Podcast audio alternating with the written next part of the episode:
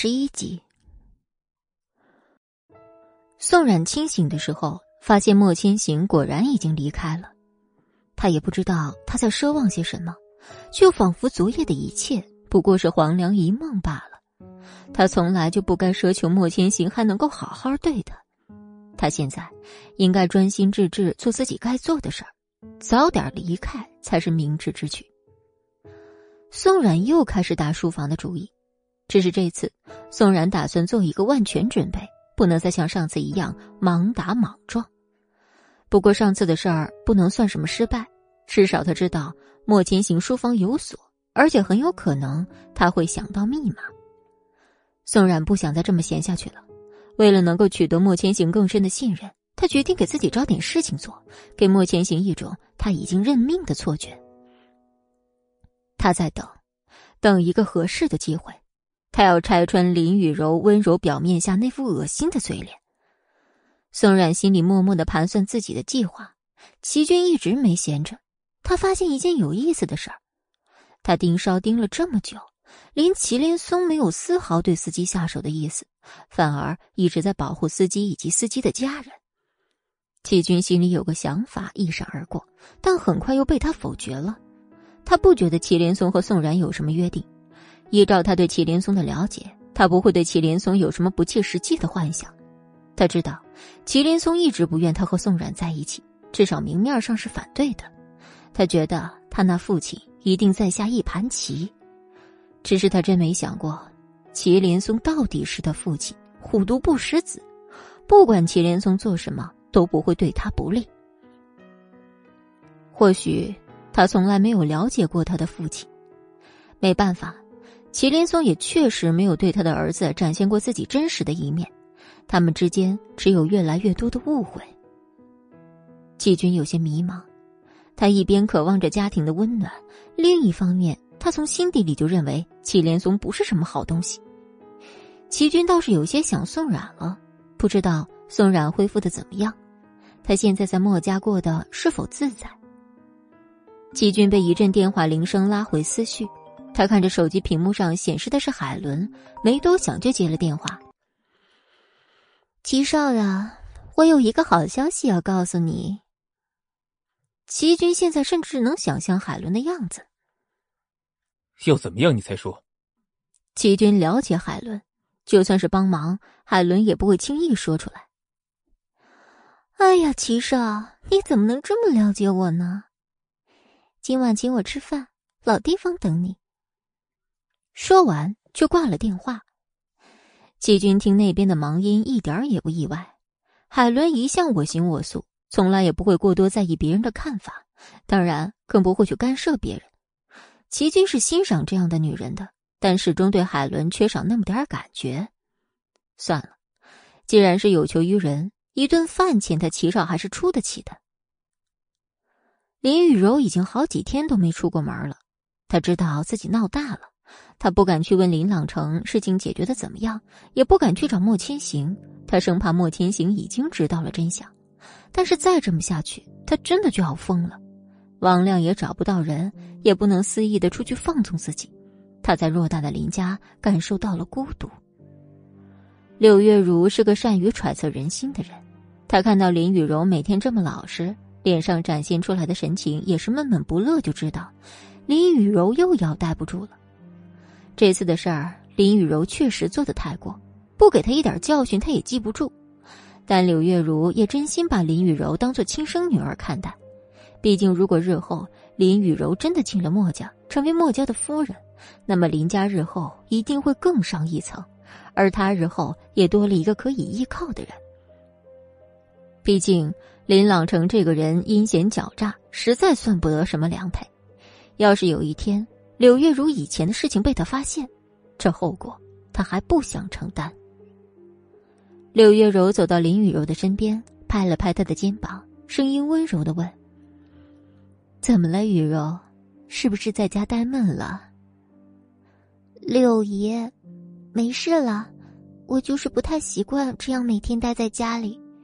王亮又一点消息都没有，我担心。我知道你在想什么。在家就不要提这个人的名字了，你爸对这个人很讨厌。你这次啊，千不该万不该，不该让他去做这件事。林雨柔听到柳月如这么说，一下噤了声。他知道，柳月如虽不是他亲生母亲，却一直对他很好，是为他着想。别担心，司机已经被处理掉了。那群人家被莫千行搞得乌烟瘴气，还指望着有一天依靠林家东山再起，不会多说什么。况且真正从头到尾知道这件事儿的，也只有王亮。柳月如的话，无疑是给林雨柔吃了一颗定心丸。林雨柔靠在柳月如的身上，现在也只有柳月如才是真心待她。柳月如看林雨柔依赖他的样子。心中更是涌起千层浪。要是他的女儿还在人世，也该像雨柔这般大了。可惜他福薄，没有跟柳月如过过一天好日子就离开了。林雨柔不知道柳月如的事儿，只是觉得柳姨一直对她很好，她心底也早就把柳姨当成自己的母亲。好了，别难过了，柳姨会帮你的。你要是闷的话。明天出门去转转吧，我会跟你爸说的。啊，太好了，柳姨，我就知道还是你最疼我。林朗成从书房里准备去公司开个会，刚到楼梯口就看到这么温馨的一幕，心里觉得很是欣慰。他现在的这位夫人不是他最爱的，但为他生了两个儿子，还把家里打理的井井有条，而且他喜欢精明能干的女人。现在他慢慢上了年纪，很多事情需要有人帮帮他了。二集，齐军如期赴约。他知道海伦是个有能力的女人，但是他还真没想到海伦的办事效率这么高。齐少，真高兴看到你。前几天还为你接风，我们可不是好久没见。齐军也很自然的靠在了沙发上，看着海伦在灯光照射下美得不像话的脸。海伦的嘴角始终挂着微笑，这样充满秘密的女人可以说是风情万种。海伦专注的看着齐军，性感的红唇一张一合。看来，齐少不想我呀，那我走了。海伦说着，就作势要离开座位。齐军始终拦也没拦一下，还真是不解风情。海伦看着齐军这样，倒也没生气，只是重新坐好，眼神变得认真起来。我知道，你做的一切都是为了宋冉，当然我还欠你一个人情。不管你是为了谁，我都会帮你达成心愿。哈哈哈哈海伦，像你美的这么不可方物的女人。谁会不动心？来，我们喝一杯。齐军了解海伦，他知道这件事情急不得，海伦就是想吊吊他的胃口。可齐军是坐怀不乱的真君子，此刻有故人相伴，不如好好吃顿饭。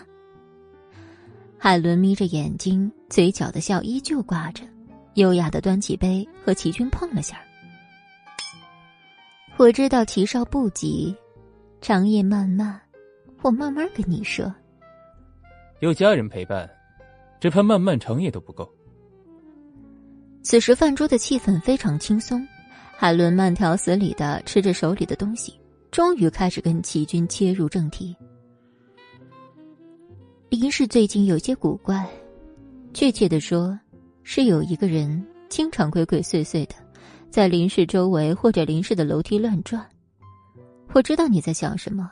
我有观察过，他经常要进入林朗成的办公室，但是通常都被赶出来，甚至有一次林朗成还找人对他拳打脚踢。我知道这不足以说明什么问题，但有一次我从林朗成办公室出来，误入楼梯间，竟然发现他手里拿着刀来回踱步。齐军听得津津有味，他听到这儿眉头一跳，确实。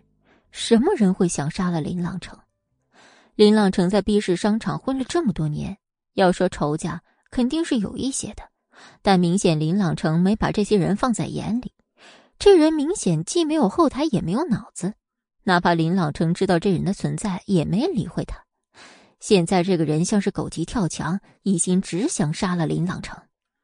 你是说，这个人或许和宋冉的事情有关系？确切的说，这个人是那天目睹宋冉掉下悬崖底下的人证，是林朗城的司机。我找人查过了，剩下的事情我就不管了。齐军想到之前林朗城和祁连松一起陷害宋冉那件事儿，事情做的确实天衣无缝，找不到一丝纰漏。但事情是人做的，总会出现什么意外，比如没有杀干净的人证。齐军收回脸上的表情，他一直都不知道海伦的真实身份，只知道海伦不简单。没想到在异国他乡，海伦的手也伸了进来。海伦小姐，看来是我轻视你了。今晚能与你共进晚餐，我很愉快。只是我不喜欢你叫我海伦小姐。说完，海伦站起来，拿起酒杯一饮而尽。有什么事情我会再约你的，先走了。季军看着海伦离开的背影，知道海伦有些不高兴，但海伦还会继续帮他。他知道，一条命没那么容易就能还清。宋冉今晚早早就吃好了晚饭，清闲的窝在沙发里看电影。他突然回忆起以前他跟莫千行在一起的时光。宋冉总是喜欢对着莫千行谈谈对以后美好人生的向往。他记得那是一个冬天，不像南方的冬天，北方的冬天总是显得有些凄凉。树叶趁着秋天已经陆陆续续掉光了。每次在圣诞节左右，碧城就会开始下大雪。宋冉总是喜欢和莫千行在雪地里玩，趁着莫千行一个不注意，就对莫千行扔一个雪球。莫千行每次看到宋冉大笑的样子，就会把宋冉拎起丢在雪地里，两个人就这么跑啊闹啊，一路都是欢声笑语。两个人跑累了，就会躺在雪地上。千行，以后每年冬天我们就窝在家里看电影吧，买好多好多零食。看通宵。宋冉躺在雪地上，看着一片一片往下飘的雪花，眼睛亮亮的。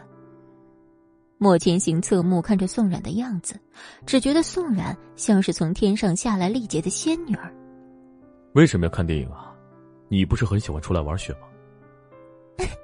笨蛋，那时候我们都好老了，玩也玩不动了。房间里暖和，只能待在房间里窝着看电影啊。然后再看看窗外的雪。莫千行看着宋冉的鼻尖跟脸颊被冻得通红，十分可爱。可是我只想等着结婚了，趁着年轻，多生几个孩子。说着，还调皮的冲宋冉眨了眨眼。宋冉看到莫千行这么不正经的样子，跳起来就追着莫千行扔雪球，追又追不上，气得直跳脚。原来年少时候最简单的爱情是心生向往，一不小心就跟你白了头。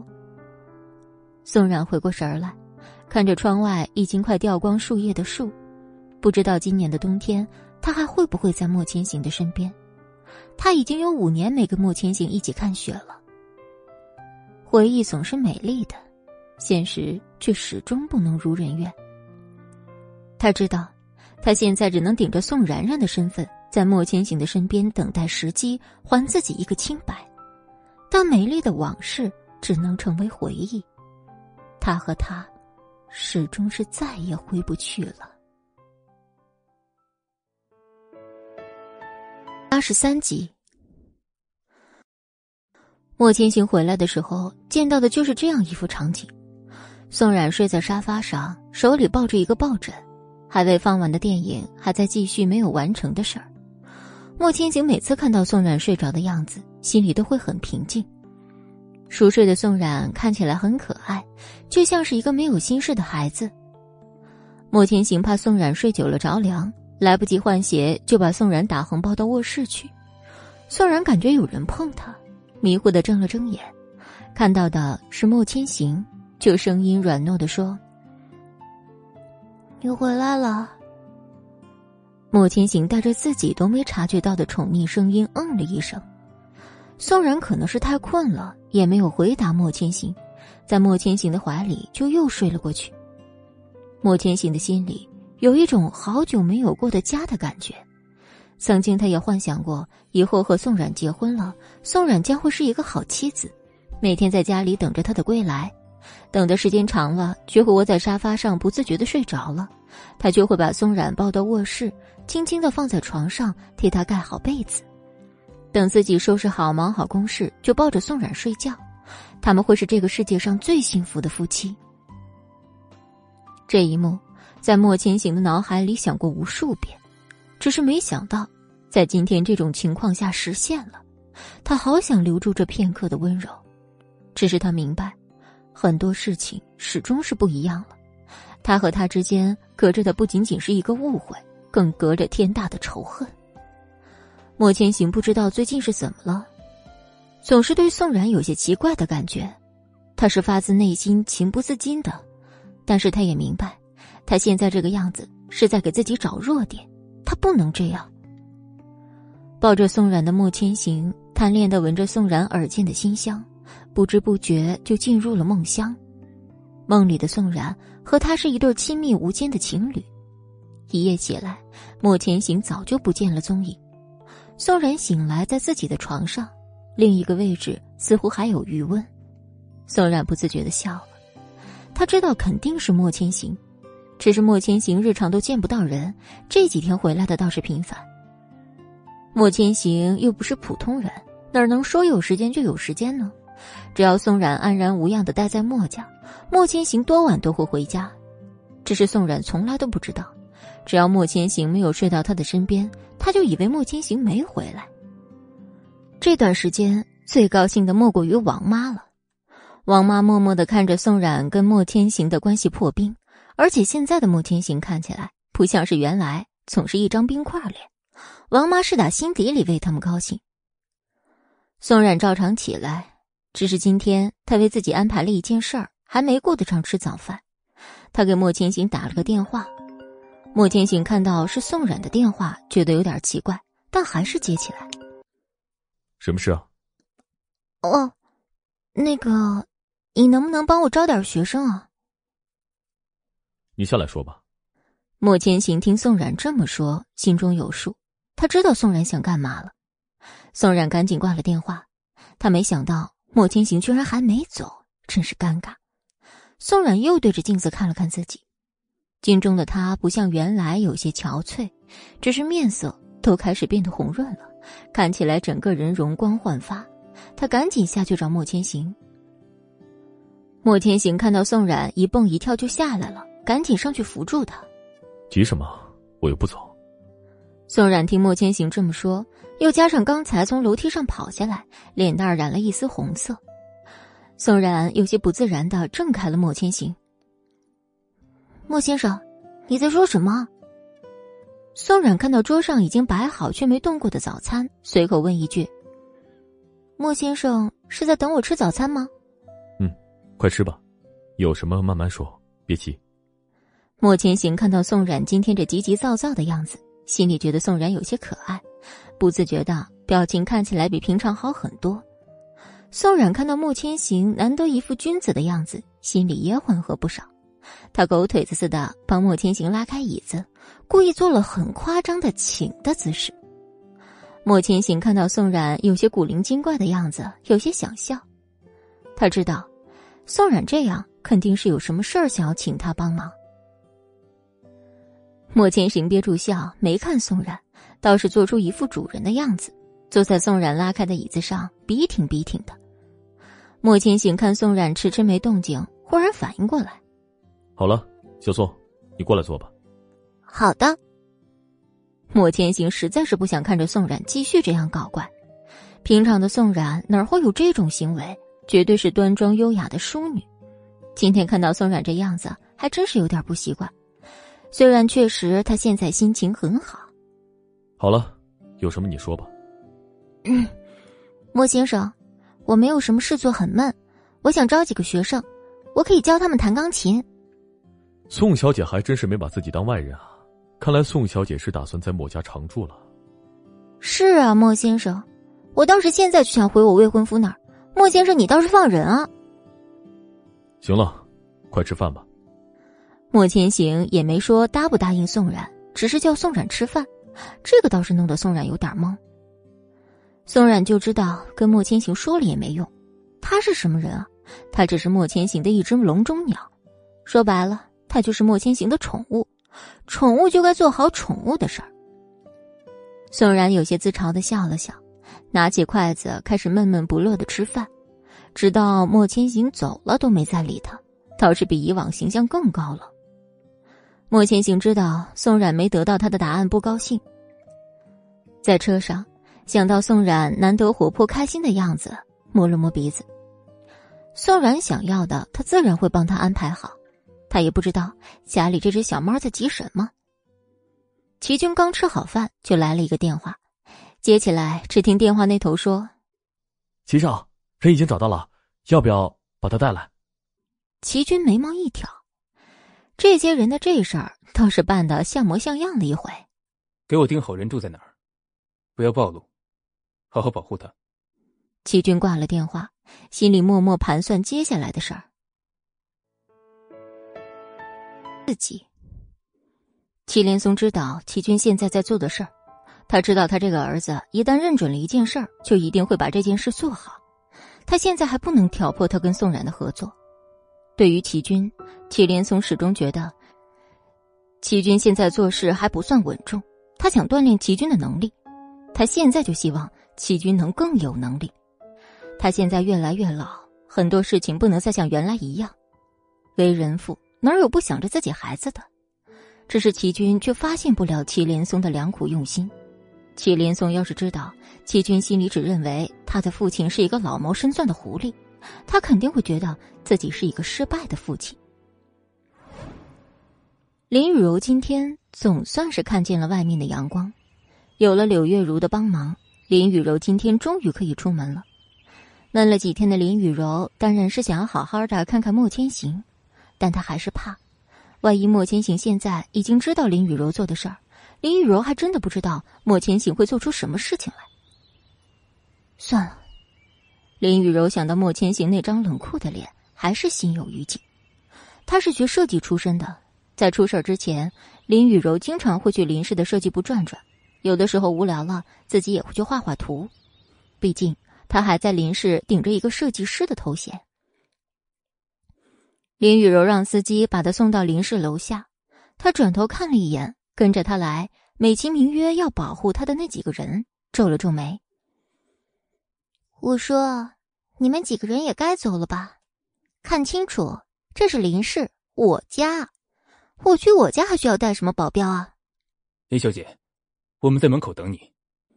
林雨柔看着这个保镖还算机敏，就没再找这几个人的事儿，一扭一扭的走进了林氏大楼。他知道新来了一个国际有名的设计师，他倒想看看这设计师是不是徒有虚名。林雨柔这个有些骄纵的性子。其实和他那个继母关系很大，总是宠着惯着，恨不得把天上的月亮摘下来给他。现在的林雨柔表面上看起来是个大小姐，实际上骄横跋扈。他轻车熟路的来到他的设计部，一进来简直可以说是惊呆了。这设计部被搞得跟原来简直是天差地别。林雨柔看到设计部大变样，不用想也知道是那个海伦搞的鬼。他最喜欢的盆栽，通通被换成了仙人掌，哪还有一点美感？林雨柔也没跟林朗成打招呼，直接推门就进了海伦的办公室。在看到海伦的一瞬间，林雨柔还是比较惊艳的。能入他眼的，除了那个宋冉，还能跟面前这位大设计师比一比，他还真觉得其他人都黯然失色。海伦看到林雨柔闯进来，他并没见过林雨柔，但是在齐军给他的资料里。他已经了解了这位林家大小姐。你好，这位女士，请问你有什么事吗？我是谁？你知道自己在哪儿吗？你不知道我是谁？这位女士，不好意思，我不认识你，有事吗？海伦没想到这林雨柔这么难缠，哪有一点资料上的样子？什么温柔端庄、大气貌美，什么有礼貌，现在的资料真是越来越看不得。好，我告诉你，你给我听着，我是林氏大小姐林雨柔，我现在希望你把设计部给我还原。林雨柔瞪着眼，双手叉腰，标准的一副悍妇模样。原来是林小姐啊，不知是林小姐大驾光临，看来是我眼拙了。一直听说，林大小姐是一个温柔似水的女子，今日一见，果然名不虚传。好久没来设计部，你还真当自己是这儿的主人是吧？给我把东西恢复原状。林小姐，你听着，我是你父亲花重金聘请我和我的团队来到这儿工作，是我选择了你的父亲作为这里的设计部总监。我不认为我现在的做法有什么问题。海伦一字一句的跟林雨柔说清楚，说完，优雅的拿起桌上的咖啡喝了一口。林雨柔看到海伦这副高高在上的样子，越看越气。你以为你是什么东西啊，在这儿给我趾高气扬？我现在就去告诉爸爸，让他解雇你。海伦看着林雨柔现在这样，心里笑了他无数回。亏得林雨柔从小受的都是贵族教育，这么简单的事儿都想不通。一个人最宝贵的东西是他的才华，物产会有贬值的一天，公司也可能会被波及。如果一个人发了横财，他没有能力，没有才华，富不过三代。海伦不想替林雨柔的父亲教育他，站起身，看都没看林雨柔一眼，交代他的助手：“琳达，去跟林总说一声，他女儿在我这儿发疯，我今天没有心情工作了，先走了。”说完。迈着优雅的步伐，披着一件外套就走了。走到门口的时候，回过头，靠在门边，对林雨柔说了一句：“林小姐，我劝你凡事都动动你的脑子。”说着，他指了指自己的脑袋。不等林雨柔有什么反应，海伦潇洒的走了。林雨柔看海伦这个嚣张的样子，更不高兴。其实，最近他也不知道是怎么了。好像事情和原来都不一样了。原来遇见一点事儿，他很能忍。他一向喜欢莱茵的，不知从什么时候开始，他的脾气越来越差。不过那个碍眼的哈伦走了，他觉得这办公室的空气都变得清新了。还没来得及品尝胜利的果实，林朗成就过来了。林朗成风风火火走过来，二话没说，上来就给林雨柔一巴掌。都是让你柳姨给你惯的，让你别出来给我找事，你偏不听。今天刚出来就给我找事儿，你知道海伦有多难请吗？爸爸，在你心里，我还比不上一个重金聘请的设计师吗？第八十五集，林朗成知道他这个女儿喜欢攀比要强，但是他今天仿佛是第一次认识林雨柔到底是什么样子。林朗成看到自己下手有些重了。也有些不忍心，雨柔啊，你这段时间是怎么了？这么简单的问题都想不通，最近好好想想自己要做什么，别再给我惹事儿了。林雨柔看到林朗成对他恨铁不成钢的样子，眼中满满都是不服气。林雨柔没有理林朗成，捂着脸生气的走出了总监办公室。路过办公区的时候。林雨柔看见以往围在自己身边的人，这会儿都在窃窃私语。林雨柔用脚趾头都能想到，这些人肯定是在看她笑话。他没有再出言不逊，只是自己走出了林氏。本来今天的好心情，全部都被这个海伦给打破了。保镖看见林雨柔这么快就出来，还感到有些奇怪。等林雨柔走近了，才看见林雨柔脸上一个巴掌印子。保镖知道。这回千万不能惹到他。女人生气的时候是很可怕的生物。林雨柔看到这群人更是糟心，她吼这些人：“看什么看？没见过！”这群倒霉的保镖都低下头去，不敢再看林雨柔。林雨柔上了车，随口说了一个地点，司机听话的开了车。虽然他现在不适合在外闲逛，但好不容易能出来一天。要是再不抓紧时间逛逛，他又不知道哪天才能出来。林雨柔百无聊赖的看着窗外，看着看着，在林氏附近突然看到一个熟悉的身影，正鬼鬼祟祟的蹲在侧门边的草丛那儿。林雨柔感到奇怪，那个门平时只有林朗成会出来，这个人怕不是会对他爸爸做什么吧？停一下！林雨柔赶紧叫司机停了车。林雨柔仔细的看着这个人，越看越觉得不对劲儿。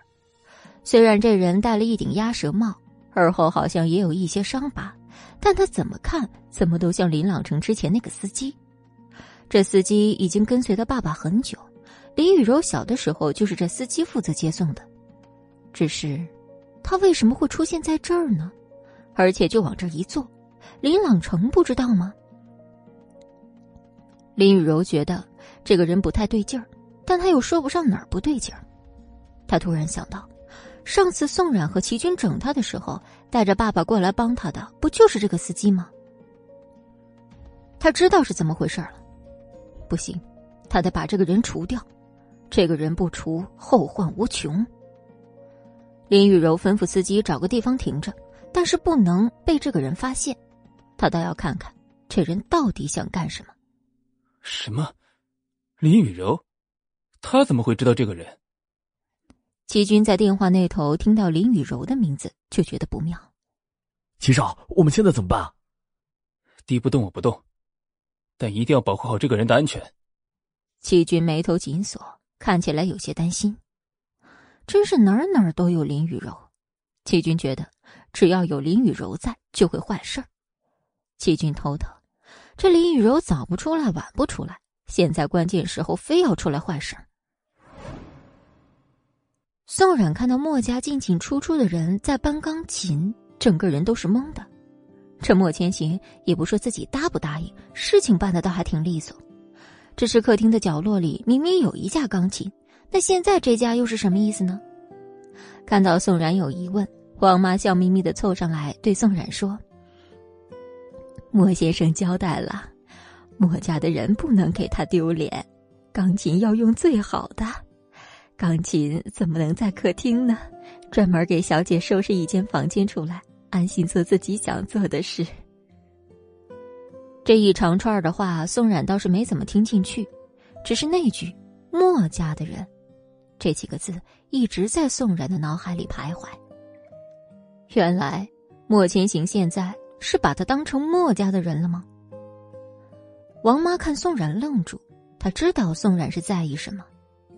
宋小姐，不必疑惑，开开心心的接受就好了。宋冉听着王妈说的话。知道王妈不把他当做外人，但王妈不明白啊，宋冉跟莫千行之间隔着的东西实在太多了。宋冉看到莫千行对他的事儿如此上心，说心里没感觉是假的，但他很害怕他又跌回绝望的境地。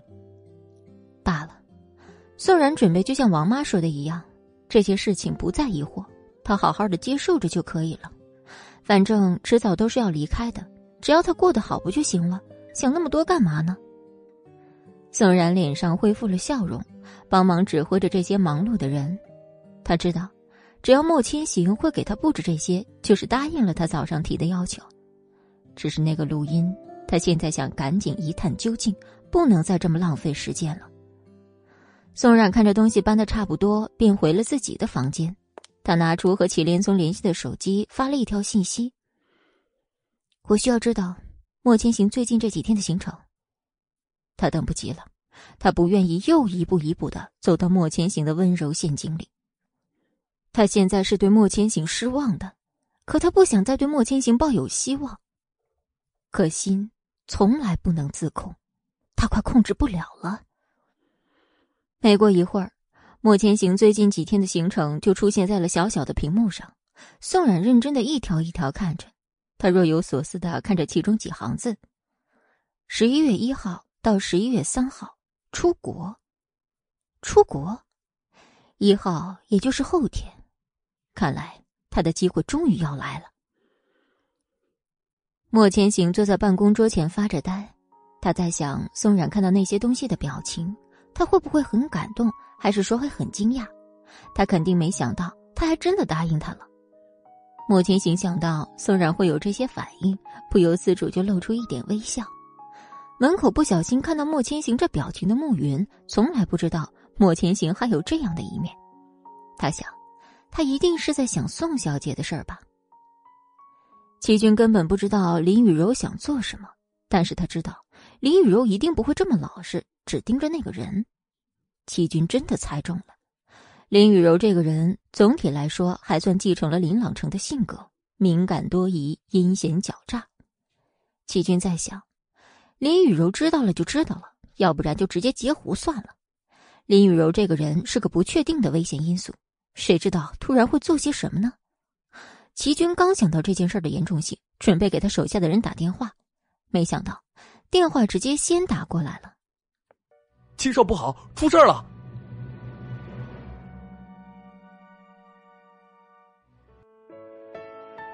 六级，齐军现在最不想听到的就是这几个字。这个林雨柔，只要一出现，就没什么好事。发生什么事？说清楚。还有，你们现在在哪里？我带人过来和你们集合。齐少，我们现在跟着林雨柔的车。齐少交代不要暴露，那个人被林雨柔手下的人带走了。行了，把你们的位置给我发过来。我现在去和你们会合。齐军说完就挂了电话，他知道现在不是责怪谁的时候。齐军又叫了一些人跟上他，他现在真的不希望这件事节外生枝。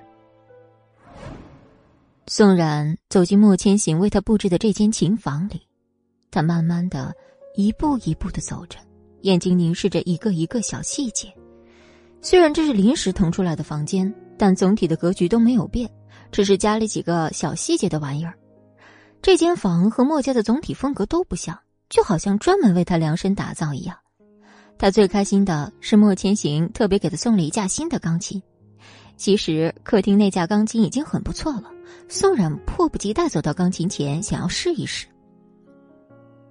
宋冉静静的坐在钢琴前面，没有立刻的上手弹，而是慢慢的摸了摸，就像在欣赏一件艺术品一样。在看了一圈之后，他打开琴盖，慢慢的弹奏了一个 G 大调小曲。流畅的曲子从宋冉的手指间流露出来，宋冉听着这架琴的声音，着实很喜欢，他不禁又多弹了几曲。宋冉是很喜欢音乐的，但是他已经很久没有碰过琴了。自从他家出了事，他早就没有心情再去做这些事儿了。宋冉可不是业余的。他在大学的复修课程就是钢琴，他的妈妈也很喜欢弹琴，他从小就耳濡目染，有了和妈妈一样的爱好。想到他的妈妈，宋冉突然觉得自己特别不孝。他已经很久没见过妈妈了，最近他要见到他的妈妈，他要去见齐军，让他帮忙安排这件事。莫千行从视频里听到宋冉久违的琴声，正入迷，看到宋冉突然停下来。正在看远处发呆，莫千行不知道宋冉发生了什么，感觉很疑惑，他是不是想起什么了？是的，莫千行在这间房子装了监控，他倒不是什么变态想控制宋冉，他只是想看看宋冉看到这家琴房是什么反应。平常宋冉带学生的时候，他也可以顺便欣赏一下。他其实想把很多视频录成片段，以后好留着慢慢欣赏。他不知道他为什么会有这种想法，但他总有一种感觉，或许他的宋冉总有一天会离开他。不行，他不能允许这样的事情发生。莫千行不知道宋冉发生了什么，只是从监控中他感觉出宋冉很痛苦。他看到宋冉痛苦的样子，心中一阵烦闷。他想现在立刻到宋冉的身边，抱着他缓解他的痛苦，但是他知道，他不能。也不会这么做。莫千行明白，他现在不能再和宋冉维持这样的关系。宋冉现在的一举一动已经影响到他，这样下去，他迟早有一天会放下自己的仇恨。可家破人亡之仇如何能放？齐军的车随着定位慢慢的接近了他的人。齐军知道，宋雨柔现在就像一个疯子，一心只想着要杀人灭口，什么事情都顾不到了。这个人是他的突破口，他一点也不愿意事情再出意外。飞快点齐军心急的让司机快点司机也感觉到齐军着急，一脚就把油门踩到了底。小姐，后面有车子跟着我们。林雨柔车上的人发现了后面的车，林雨柔现在顾不了那么多了，心焦气躁的说：“给我甩掉他，再开快一点。”别说，林雨柔这个司机还真挺卖力。可是这些人的悲惨之处就在于没有跟对一个主人。像林家这几个人的性格就是标准的阴狠。像林雨柔今天做的这件事儿，林雨柔绝对不会让这些人留下活口。他认为只有死人最安全。齐军又发现了异常，他已经联系不到前面他的手下了，只有蓝牙信号还在。他现在只能看到他们的位置，但却联系不到人，完全不知前面是什么情况。齐军只能硬着头皮跟上，他直觉告诉他，一定出了事儿。林雨柔的司机发现一直甩不掉后面的车，车开到了郊外，林雨柔不再节外生枝。他突然把车拐进一条小路，后面的车是视觉盲点，根本不知道林雨柔想要玉石俱焚。没错，他们的车跟着林雨柔的车开去那边，刚刚开过去就撞上了，还好车速不快，不然他们这几个真要交代在这儿了。但是他们一点优势也没有，林雨柔他们开的是一辆越野，他们开的只是轿车，几个人差不多都受了伤，开车的人当场就昏迷了。齐军看到地图上面的点突然不动，知道林雨柔肯定是做了什么。他现在不光希望那个人安全无恙，他不想他的人为了完成任务而受伤。快点飞开快点阿宽他们可能出事了。齐军交代司机，司机听到这个消息，把车速提到极致，恨不得现在就飞到他们兄弟跟前去。齐军看着地图上的点越来越近，心脏也越跳越快。他希望事情能够顺顺利利，他的宋冉能早日脱离莫千行的魔鬼的手掌。齐军到的时候，看到面前的状况，已经不能用惨烈来形容了。他的人在车上受伤的受伤，昏迷的昏迷。前面的越野车应该是林雨柔的车，齐军赶紧让车上的人去救他手下的人。他赶紧去林雨柔的车上查看情况，他发现林雨柔的车上已经没人了。他仔细检查车上的情况，打开后备箱，发现他们一直要保护的人现在已经窝在后备箱里，生死不明。齐军赶紧叫人过来帮忙。那个人被拖出来时，齐军感到绝望。那人身上已血肉模糊，看来是乱刀在身上随意捅的，刀刀都是要害，看样子怕是已无力回天了。只是林雨柔为什么要把他放进后备箱呢？不好！快撤退！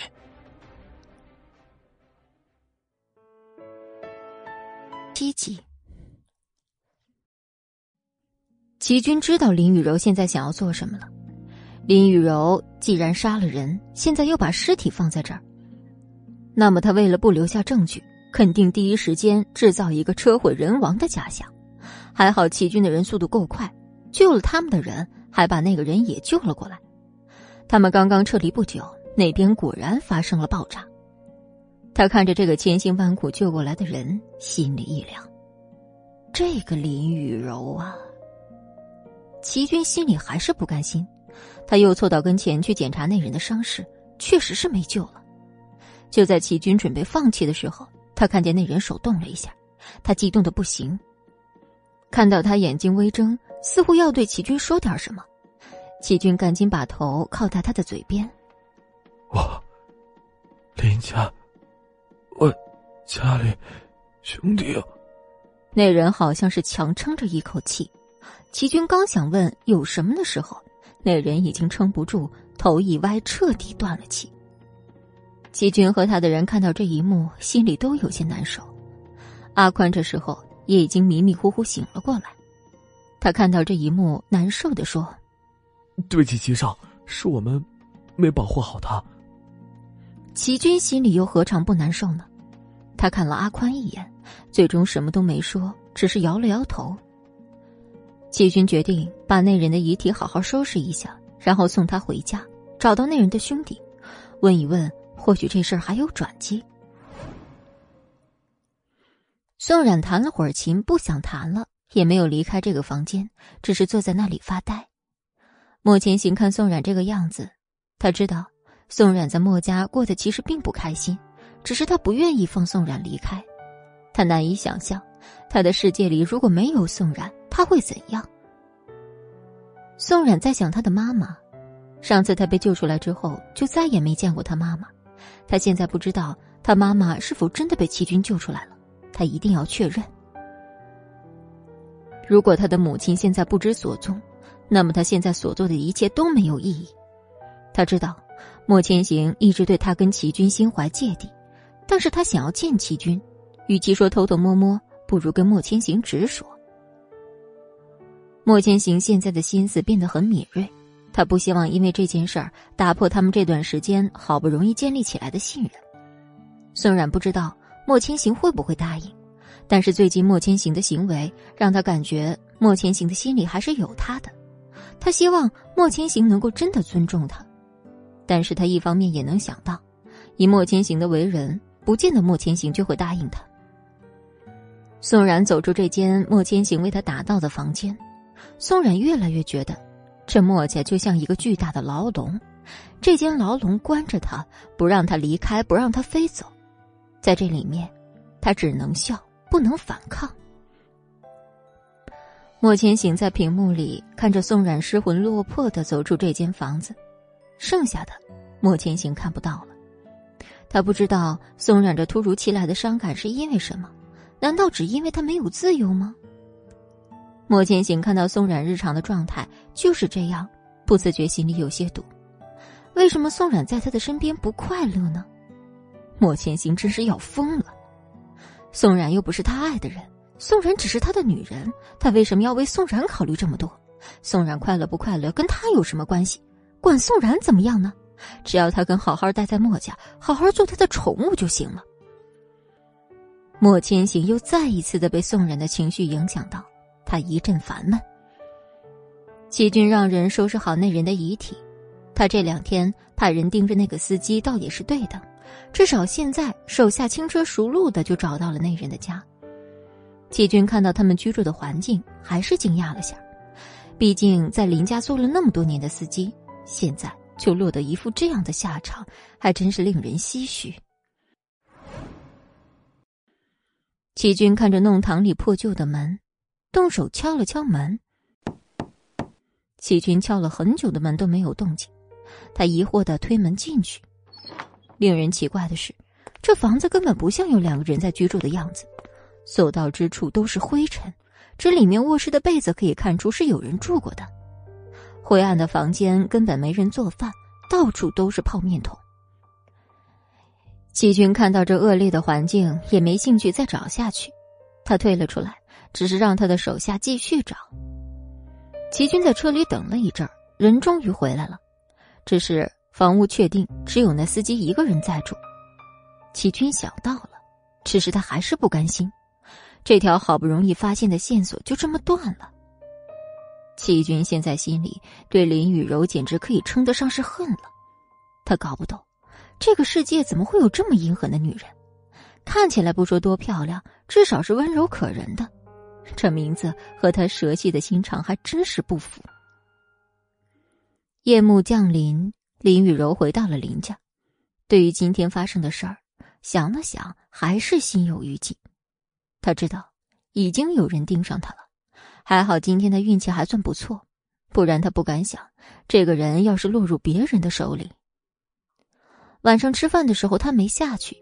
今天在公司，林朗成那么对他。他现在颜面尽失，他不明白，他的父亲平常对自己一直很宽容，可今天为什么会这样？林朗成见林雨柔没下来吃饭，知道林雨柔是有点生他的气，但是他知道林雨柔的脾气过几天也就消气了。饭桌上，林朗成把今天发生的事儿一字不差的告诉柳月如，柳月如听到这件事情的第一反应就是护着林雨柔。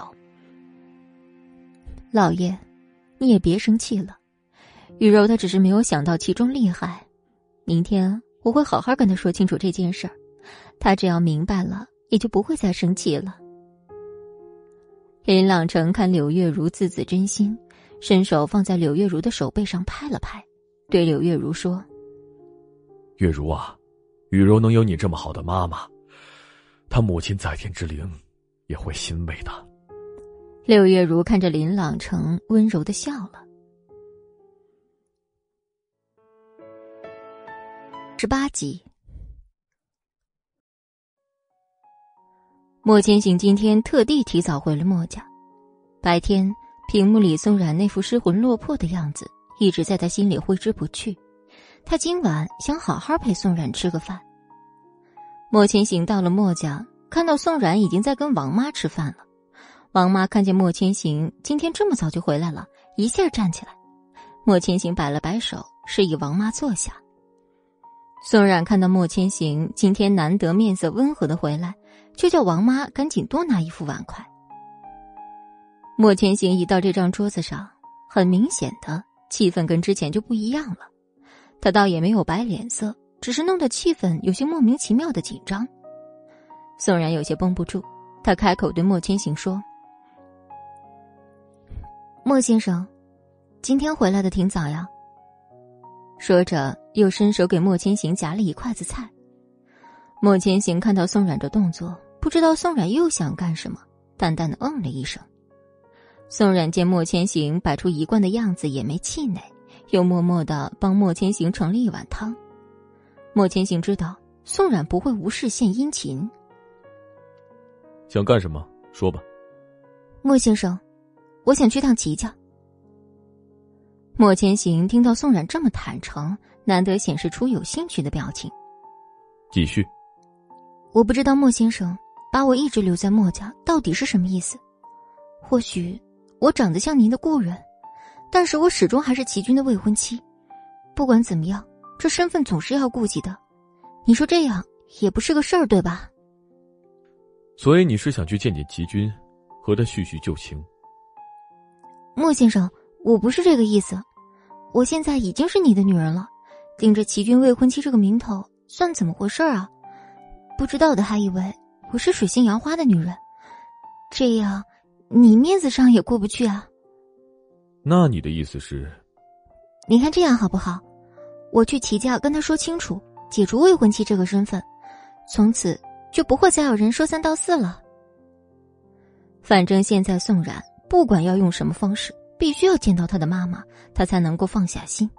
他一定要见到齐军。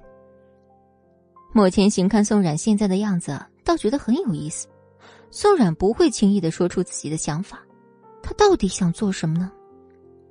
谁敢说三道四？高手过招，招招致命。宋冉看莫千行这油盐不进的样子，不知道自己该做什么。对，你是不在乎，可我一个女人，我不在乎这些，你要我怎么办？宋冉觉得莫千行从来没有真正在意过他。他只是不断的巧取豪夺，他要是在意他，就不会顾及任何人的看法，让他经受这样的委屈。其实，宋冉的想法也不是全然对的。莫千行这样对他，大部分的原因是他内心深处没有办法面对宋冉。宋冉的父亲害了莫千行，家破人亡，他想要报复宋家，想要报复宋冉，但偏偏宋冉是他最重要的人。我知道你委屈。可我为什么要答应你啊？莫千行今天本来想好好和宋冉吃顿饭陪陪他，他为了这顿饭甚至推掉了一个重要的会议。可他得到的是什么？宋冉一回来就在说他要回齐家。那他是不是可以理解为，宋冉下午之所以这样闷闷不乐，哪怕是看到他送给他的东西也略有伤感，只不过是因为宋冉根本就只在想办法去见齐军一面。醋劲儿上来的莫千行现在已经没有理智了。他一想到他为了宋冉担了一下午的心，宋冉却在想着别的男人，他心里就像是燃着一团火。宋冉知道，莫千行现在已经在生气的边缘。他以为只要他态度够好，而且提出来的事情合情合理，莫千行是会答应他的。看来他还是对莫千行期待值太高。其实他不知道。只要他提起齐军，莫千行就会失去理智。人在屋檐下，不得不低头。宋冉知道这件事儿在莫千行这是没办法了，他没有再激怒莫千行，因为他知道现在激怒莫千行的后果只能他自己承担。宋冉放下碗筷，认真的看着莫千行。莫先生，既然你不愿意，我也不多说了。说完，宋冉没有多余的动作，起身就回了自己的卧室。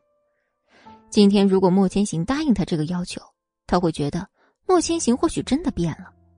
宋冉心里感激莫千行今天的行为，让他意识到自己多愚蠢。宋冉不知道，其实只要他再努力一下。莫千行就会答应他了。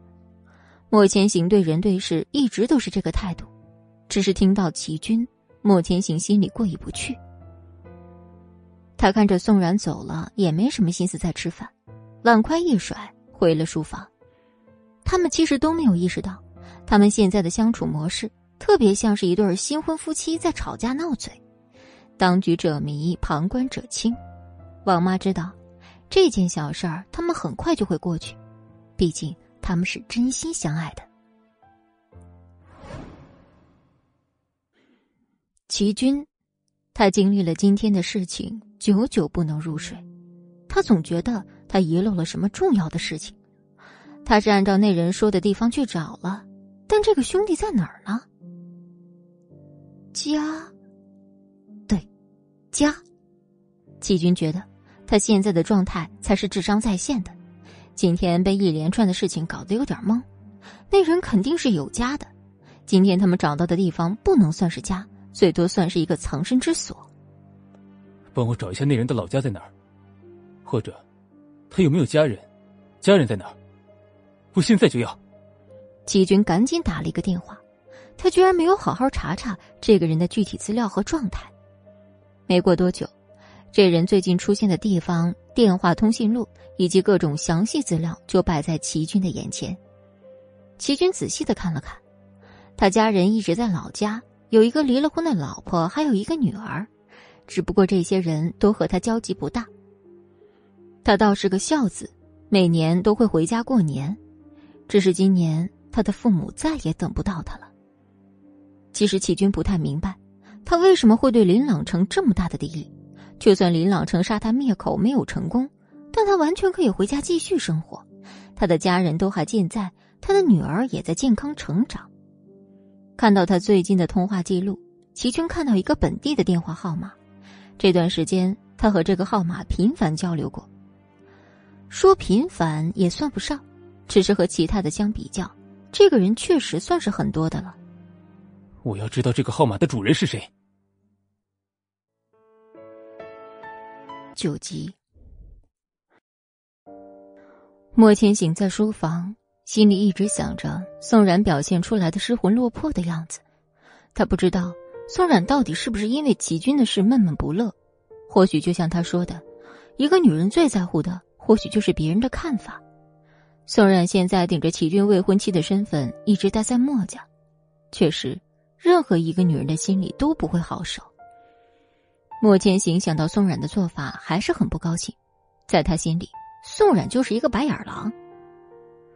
莫千行在书房久久难以入睡，他这些天已经习惯了抱着宋冉入睡，宋冉身上的清香成为他安然入睡的良药。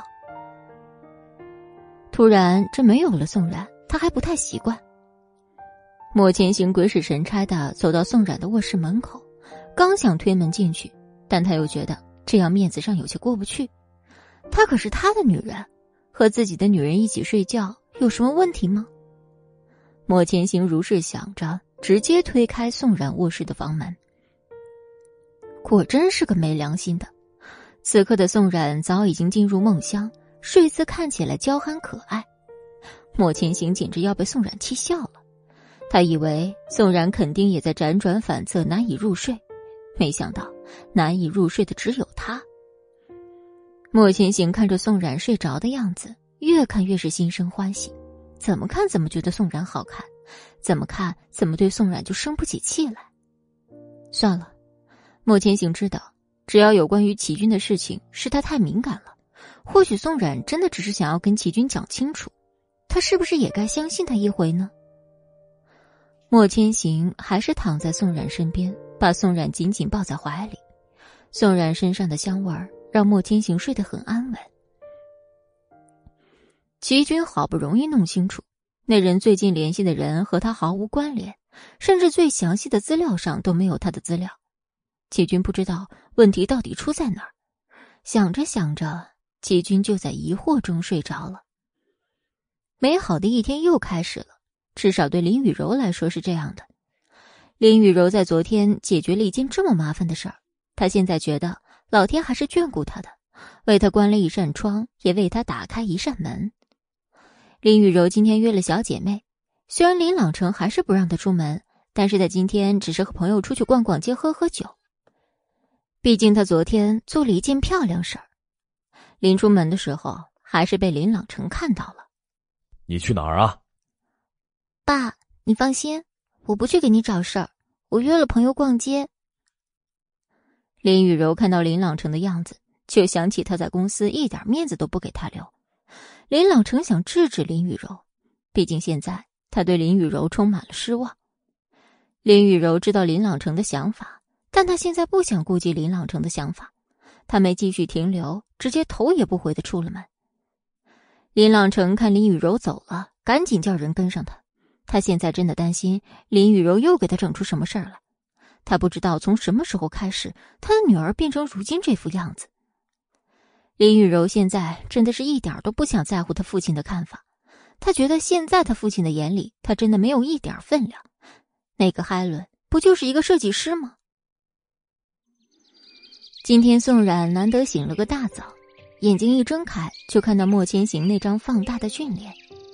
莫千行是一个名副其实的睫毛精，宋冉不知道一个男人的睫毛也会这么浓密纤长。他看着看着就觉得有些入迷了。睡着时候的莫千行，周身的锋芒都收敛了起来，平时看上去有些冷酷的脸庞，这时的线条都变得柔软了。宋冉伸手摸了摸莫千行的脸，莫千行像是感受到了宋冉触摸，动了动，宋冉吓得直接收回了手。莫千行睁开眼，就看到宋冉有些惊慌失措的样子。刚才他就感觉有人在动他，在这个情况看来，应该是宋冉无疑了。宋冉看到莫千行醒了，发现他还在他的怀里，这么大早上的近距离接触，对他们来说还真是第一次。宋冉有点不好意思，一下从莫千行的身上抽了回来。莫千行感受到宋冉的动作，又一下把宋冉按回来，弄得宋冉有些别扭。你在躲什么？不让你去见齐军，你就这么记仇啊？莫先生的要求是不是太多了？我见齐军也不光是为了自己吧？不清不楚、不明不白的，这样对齐军公平吗？宋然，齐军不是你可以托付的人。那我可以托付的人是谁？你吗？怎么，你还不愿意吗？你一个有未婚妻的人，能给别人的未婚妻什么？莫千行像是没想到宋冉此刻的反应，他用有些陌生的眼神看着宋冉。宋冉说的不错，不说他们现在的身份已经很尴尬，莫家和宋家的恩怨就已经让他们没有办法在一起。宋冉也没有惧怕莫千行，只是冷静的看着他此刻陌生的眼神。他不知道莫千行想表达什么，也不知道莫千行说出来的话是否可以让人相信。他现在一心只想见到自己的妈妈。或许他之前的想法都错了。莫千行这个人琢磨不透的，不一定吃软，也不一定吃硬，也不一定软硬都吃。总之，这个人就是很难搞。宋冉没理会莫千行，只想要挣开莫千行的手。他现在一点都不想看到他。宋冉的动作无疑是给莫千行火上浇油。莫千行冷漠的眼神染上一丝戾气，他要惩罚他，他要让他知道。她到底是谁的女人？莫千行直接翻身压在宋冉的身上，他危险的看着宋冉。这段时间是我对你太好了，让你忘记了自己的身份。宋冉听到莫千行这句话，就知道莫千行彻底生气了。宋冉张口要莫千行的胳膊，整个人都在反抗着莫千行。莫千行看宋冉这样，更加生气了。为了齐军，宋冉可以一直跟他闹，从昨晚到现在，从他拒绝宋冉的要求，宋冉就一直这样跟他闹不愉快。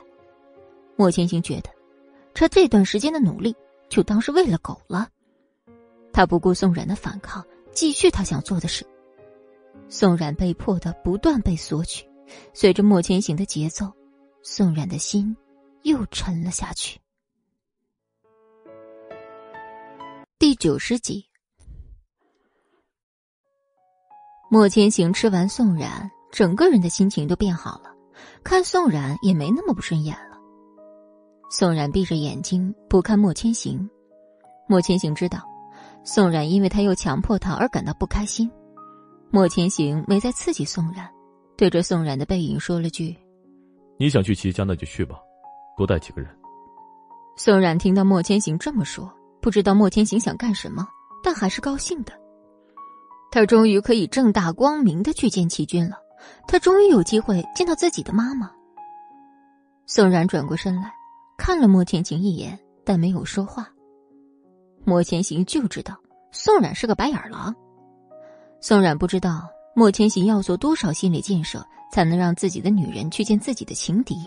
可宋冉现在连句谢谢都没有。宋冉觉得莫千行的性格实在是令人琢磨不透。怎么说呢？莫千行高兴的时候不一定是真的高兴，看起来生气的时候也不见得是真的生气。其实。莫千行是因为早上一起来吃了宋然一口，感觉神清气爽。虽然过程没有很完美，但宋冉的身体无疑是让莫千行宁静下来最好的药。莫千行双手握着宋冉的肩膀，双眼静静的看着宋冉。宋冉，我不知道你想干什么，我只是希望你能尊重一下你的男人。宋冉觉得最近的莫千行是真的很奇怪。动不动就会肯定宋冉的身份，一会儿是他是他莫家的人，要不然就说他是他的女人。宋冉也不想再揣摩莫千行的心思。嗯，我知道了。好了，收拾一下，我们下去吃饭。宋冉心里只要想到能见见他的妈妈，就激动的不行。现在不管莫千行跟他说什么，他都会好好听着。林雨柔和她的小姐妹心情大好，在购物。她今天就是想要买买买。女人在购物的时候会有一种奇妙的快感。林雨柔走着走着，看到一件高定的衣服，特别喜欢，拽上她的小姐妹就想要去试试那件衣服。她一心只顾着那件衣服，没有注意脚下有一个宠物，他被这宠物不小心绊倒，他刚想破口大骂。他最近怎么点儿这么背啊？做什么事情都不顺利，真是糟心。林雨柔抬眼看到了一个绝美的面孔，林雨柔看到这人的瞬间被吸引了。她的直觉告诉她，这个女人和她是一种人，但这个女人散发出来的气场，除了在海伦身上见过，林雨柔还没有在别人身上看见过。林雨柔收回脸上的表情，被小姐妹扶起，有些尴尬的拍了拍身上。随即对着那位美人说：“美女，你的狗绊了我哎。”那美人的脸上挂着莫测的笑容，“哼，真是不好意思啊，我看小姐是冲着衣服去的。”林雨柔这时是真的有些不好意思了，确实，人家还没怪她把宠物给踩了呢。要是别人，这时林雨柔早就炸毛了。只是看到这个人很奇怪的，他没有排斥，内心甚至还想多了解一点那个人。啊，那个不好意思啊，你的狗狗没事吧？小姐，我看我们挺有缘的，这是我的名片，交个朋友啊。林雨柔接过来，纯黑色的一张卡片上写着“冷菲菲”，背面还写了他所在店的名字。看来这家店是他开的。林雨柔刚想跟他说几句话，抬眼就发现冷菲菲抱着他的狗已经走远了。林雨柔的小姐妹在一旁看不下去了：“他怎么这样啊？真是没礼貌！雨柔，你没事吧？你倒是有心了，刚才怎么不说？”林雨柔的小姐妹顿时不吭声了，齐军一起来就在琢磨昨天发生的事儿。他认为谁都不会无缘无故的和谁一直通电话，或许是朋友，就算不是朋友，但起码是认识的。齐军决定还是自己亲自去做这件事儿。通过这几次的失败，他觉得有好多事情确实是他决策有问题。或许祁连松没说错，他的儿子确实比不上莫千行有手段。他看时间也不早了，就赶紧起来洗漱，准备下去吃点东西。但他万万没想到宋冉会出现在这儿。而林雨柔那边越逛越觉得没意思，他好像是中了那个冷菲菲的蛊，他现在就想去冷菲菲店里看看冷菲菲到底是何方神圣。林雨柔和她的小姐妹道了别，一个人去了冷菲菲店里。冷菲菲的店很冷清。但装修和整体风格都很大气，有一种高贵的感觉。整个装修以黑色为主色调，一般颜色重会给人很压抑的感觉，但是巧妙的设计却让人误以为自己进了一座宫殿。这个店也是做服装的，当然也会帮别人做造型。总体来说，就是为女人服务的一家店。冷菲菲慵懒的抬起头，发现是林雨柔，她面带笑容的迎接她。林雨柔看到店里一个人都没有，还感到奇怪。不知为什么，林雨柔觉得这样的店不应该生意不好。你这里怎么没人啊？怪冷清的。我这里每天只接待一位客人，而且一般要提前一个月预定。你这样不亏吗？没什么亏不亏的，做事情只凭自己喜欢。看来。这冷菲菲果然不简单。齐军走出卧室，正要下楼，就看见宋冉进来找他。他看到宋冉的身后还跟着四个人，就明白宋冉这次是正大光明的回来的。冉冉，你终于回来了。尽管知道宋冉还会走，齐军还是赶紧走到宋冉跟前，看起来是要抱住宋冉的样子。齐军，我回来看看你。宋冉给齐军使眼色，示意齐军把这几个人暂时解决一下。齐军一看宋冉就知道是什么意思，他顺势伸手抱住他。宋冉看到齐军这个动作就明白齐军是要帮他。不得不说，两人之间很有默契。冉冉，我好想你。齐军故意放大音量说给那四个人听。一集。宋冉看到齐军这个做法，自然是明白齐军想要做什么。他赶紧低声说：“把这四个人暂时迷晕，或者拖住都行。我有事要跟你说。”冉冉，你都瘦了，莫千行是不是对你不好？我没事儿，今天来找你，是想跟你说点事儿。你看，齐军现在只想好好抱住宋冉，不愿意松开手。他很久没见宋冉了，想他了。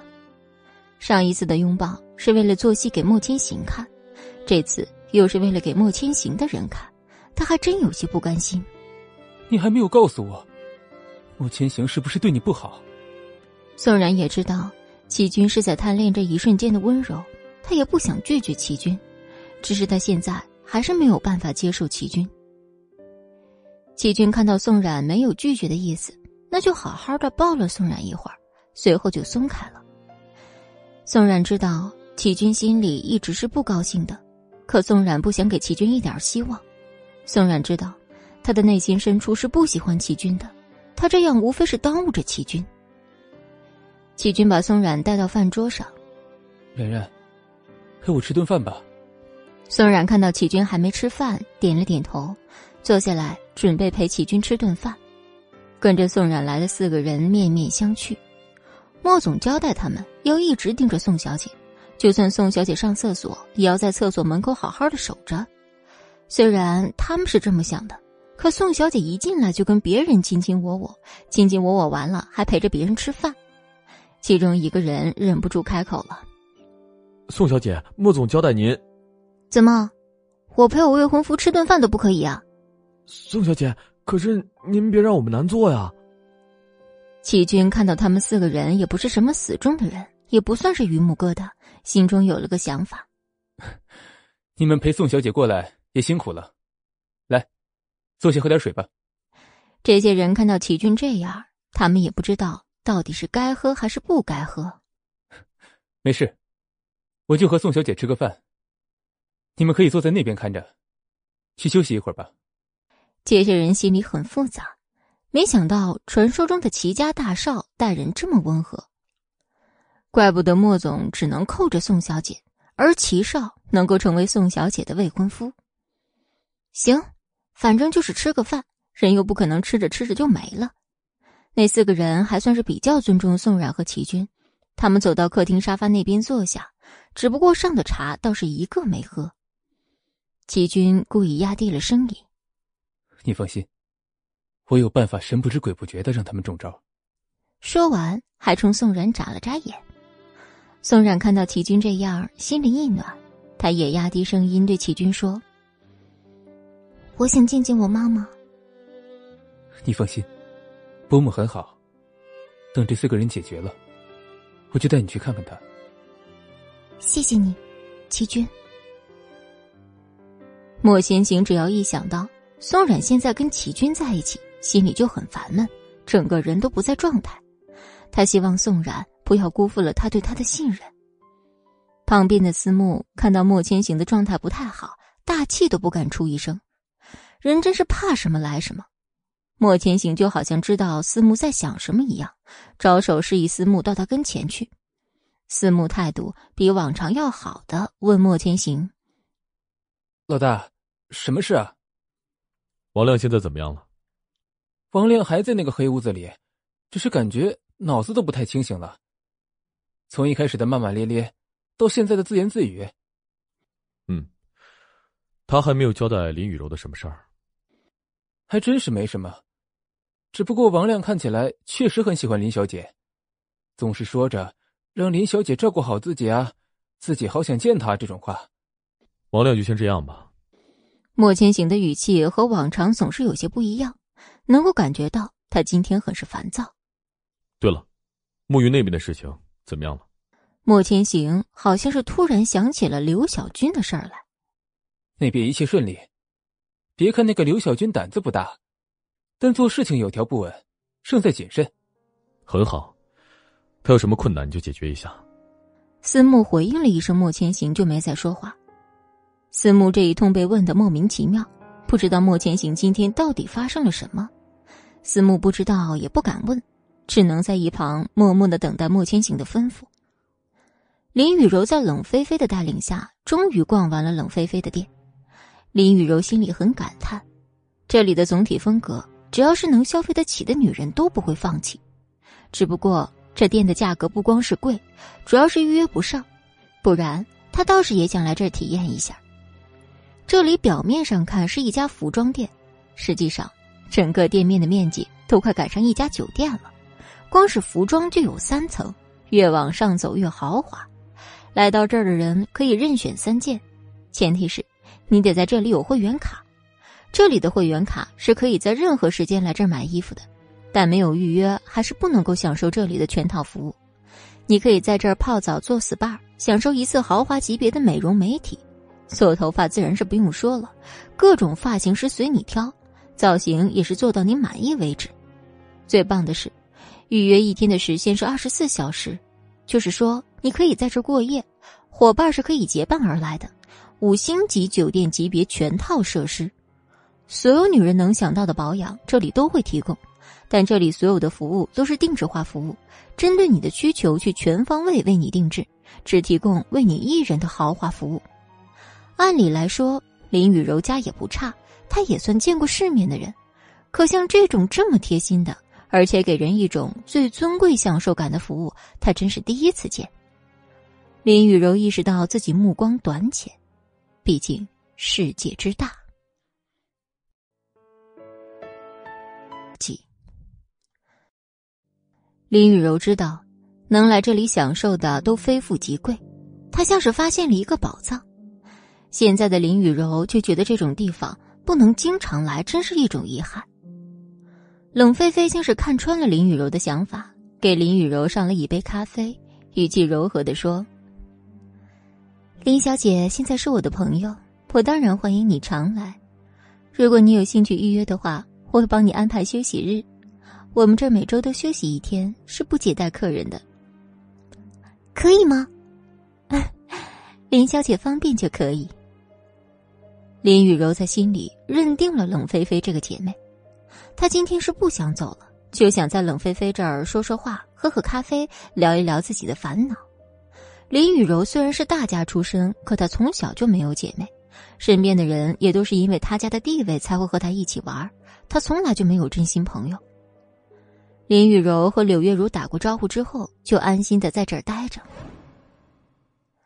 齐军那边见时间差不多了，就对宋冉说：“冉冉，我们走吧。”宋冉还是一脸懵，他茫然的用手指了指旁边沙发上那些人。那他们呢？冉冉，你再看。七娟，你怎么做到的？他们没喝茶，但是茶就在他们跟前放着。中华文化博大精深，就在这里。宋然想了想，似乎是明白了，这用法的精妙之处就在于茶香。莫千行的人一向很谨慎，不会乱喝什么东西。只是是个人，他就需要呼吸啊。这迷药。就是随着飘散出来的茶香起到的作用，而且只有附近的人能够闻到。这招确实是高明。宋然也不再拘泥于这些细节，赶紧跟着齐军离开。齐军这次做事很是谨慎，他开了麒麟松的车，一路都在看后视镜有没有人跟上来。他知道这件事一旦暴露，莫千行那边会很麻烦。宋冉心情很复杂。要是他妈妈现在是一个健康的人，一定会怪他这么久都没有去看他。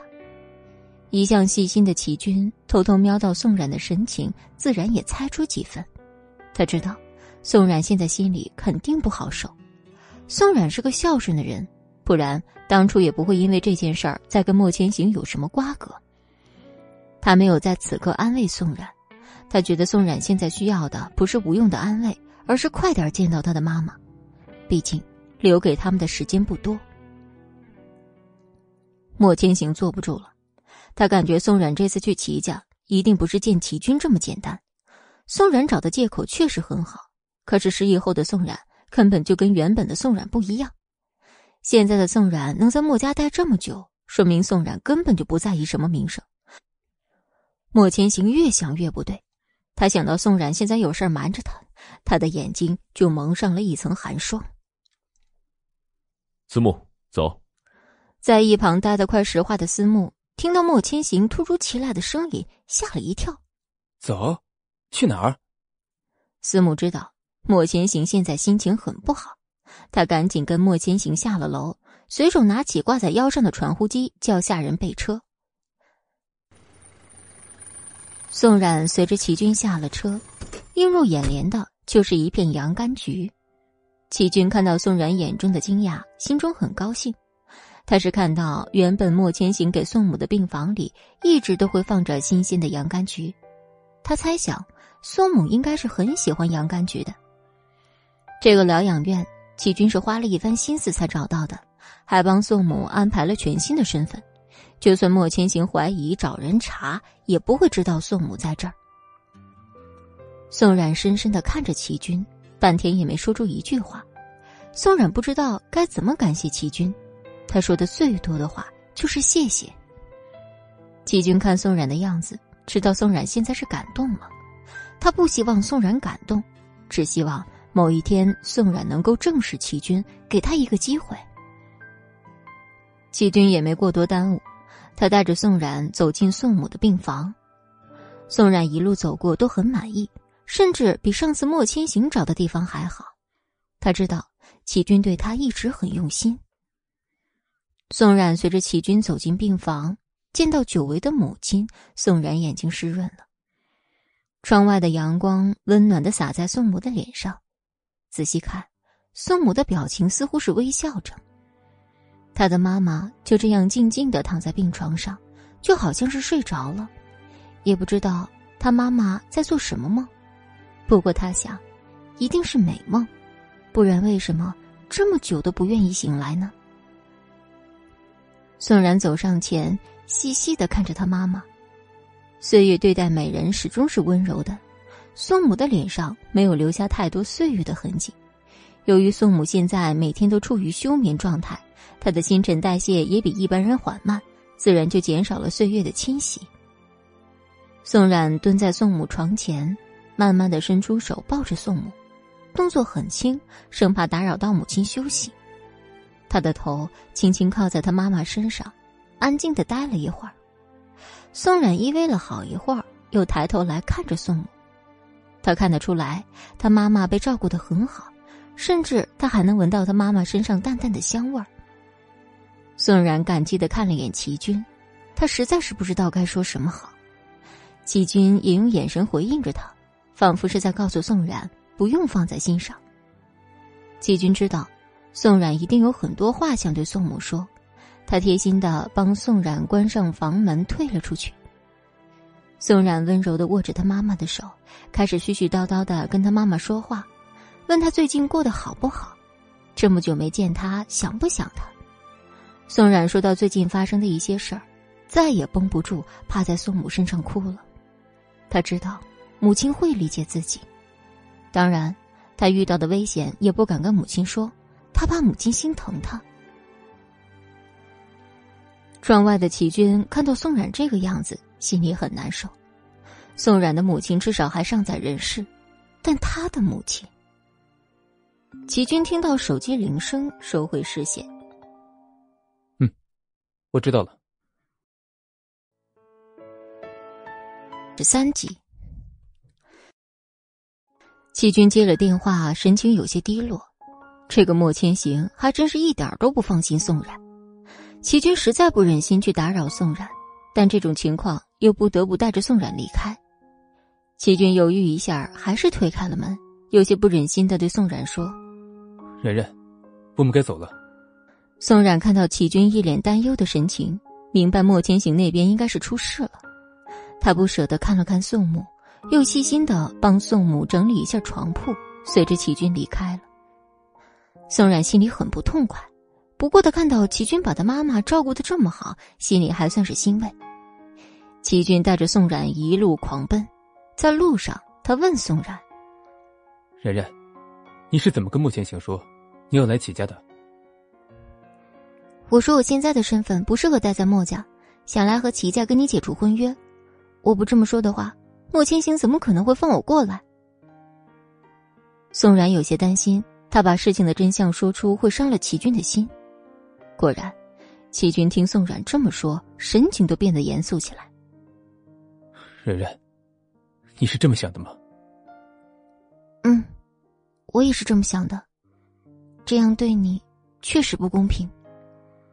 宋冉不知道怎么表达他现在想说的话，只是他觉得这样确实真的对齐军不公平。他明白，齐军喜欢他，对他好，只是齐军这样，他也不能给齐军什么。他只是把齐军当做好朋友。冉冉。你连这样一个莫须有的身份都不愿意给我吗？齐军，我知道，从始至终这件事对你都不公平，现在还要让你面上过不去。我不希望别人说你的未婚妻是一个水性杨花的女人。这件事你不用再说了，我不同意。如果身上的羁绊都没有了，我们之间还剩下什么？那莫千行那边呢？这件事情交给我，我不会让莫千行怎么样。齐军的手默默握住了方向盘。齐军知道莫千行已经到了齐家，好在今天连祁连松也不在家，而且松母的疗养院没有找太远的地方。当时齐军就觉得可能会有些不方便。齐军没有把车开到齐家门口，只是把车从齐家侧门开进去，然后齐军带着宋冉来到齐家花园。莫千行直接闯进齐家的大门，他看到客厅沙发上的几个人，瞬间就明白了。思慕看到这一幕，赶紧上前把几个人摇醒。为首那个人眼神迷蒙的睁开眼睛，看到思慕，脑子嗡的一下，他甚至不知道发生了什么。思慕看到莫千行可怕的眼神，抓起这人的衣领：“宋小姐人呢？”宋小姐刚才在和齐少吃饭，现在……说着。赶紧环顾四周，莫千行看到这个人，简直来火，冲他吼道：“人呢？今天不给我一个解释，你知道后果。”就算思慕经常见到莫千行发火，还是被莫千行的样子震了一下。莫千行只能掏出手机给宋然打电话，电话响了两声就被接通了。宋然，你人呢？喂，莫先生，我和齐军在花园的亭子这儿。你的意思是，要我过来找你们？不不不，莫先生，我们现在就过去。宋冉拉着齐军赶紧往齐家客厅走去。齐军看着宋冉紧张着急的样子，甩开宋冉的手道：“你就这么急？”齐军，你听我说，如果我们现在暴露了什么，我们之前做的所有事情都会白费。我现在只想好好找到证据，然后彻底离开这儿。可是你的行为告诉我，你现在就是担心莫先行生气。尽管他知道宋冉想做的事儿，他明白宋冉不是像他说的那样，可他看到宋冉紧张莫千行，他就受不了。宋冉只能再次拽着齐军一路小跑往齐家客厅走去。一路上，齐军都没再说话，他不明白，宋冉这么好的姑娘，怎么就被莫千行吃的这么紧。宋冉要不是看到齐军这会儿越来越白的脸色，他都快忘记齐军身体不好。他赶紧停下来，看到齐军这样子，心里愧疚。他觉得自己不是个好人，他从来只想到自己的事儿。对不起，齐军，我一时忘记你。宋冉说着，赶紧扶齐军坐下。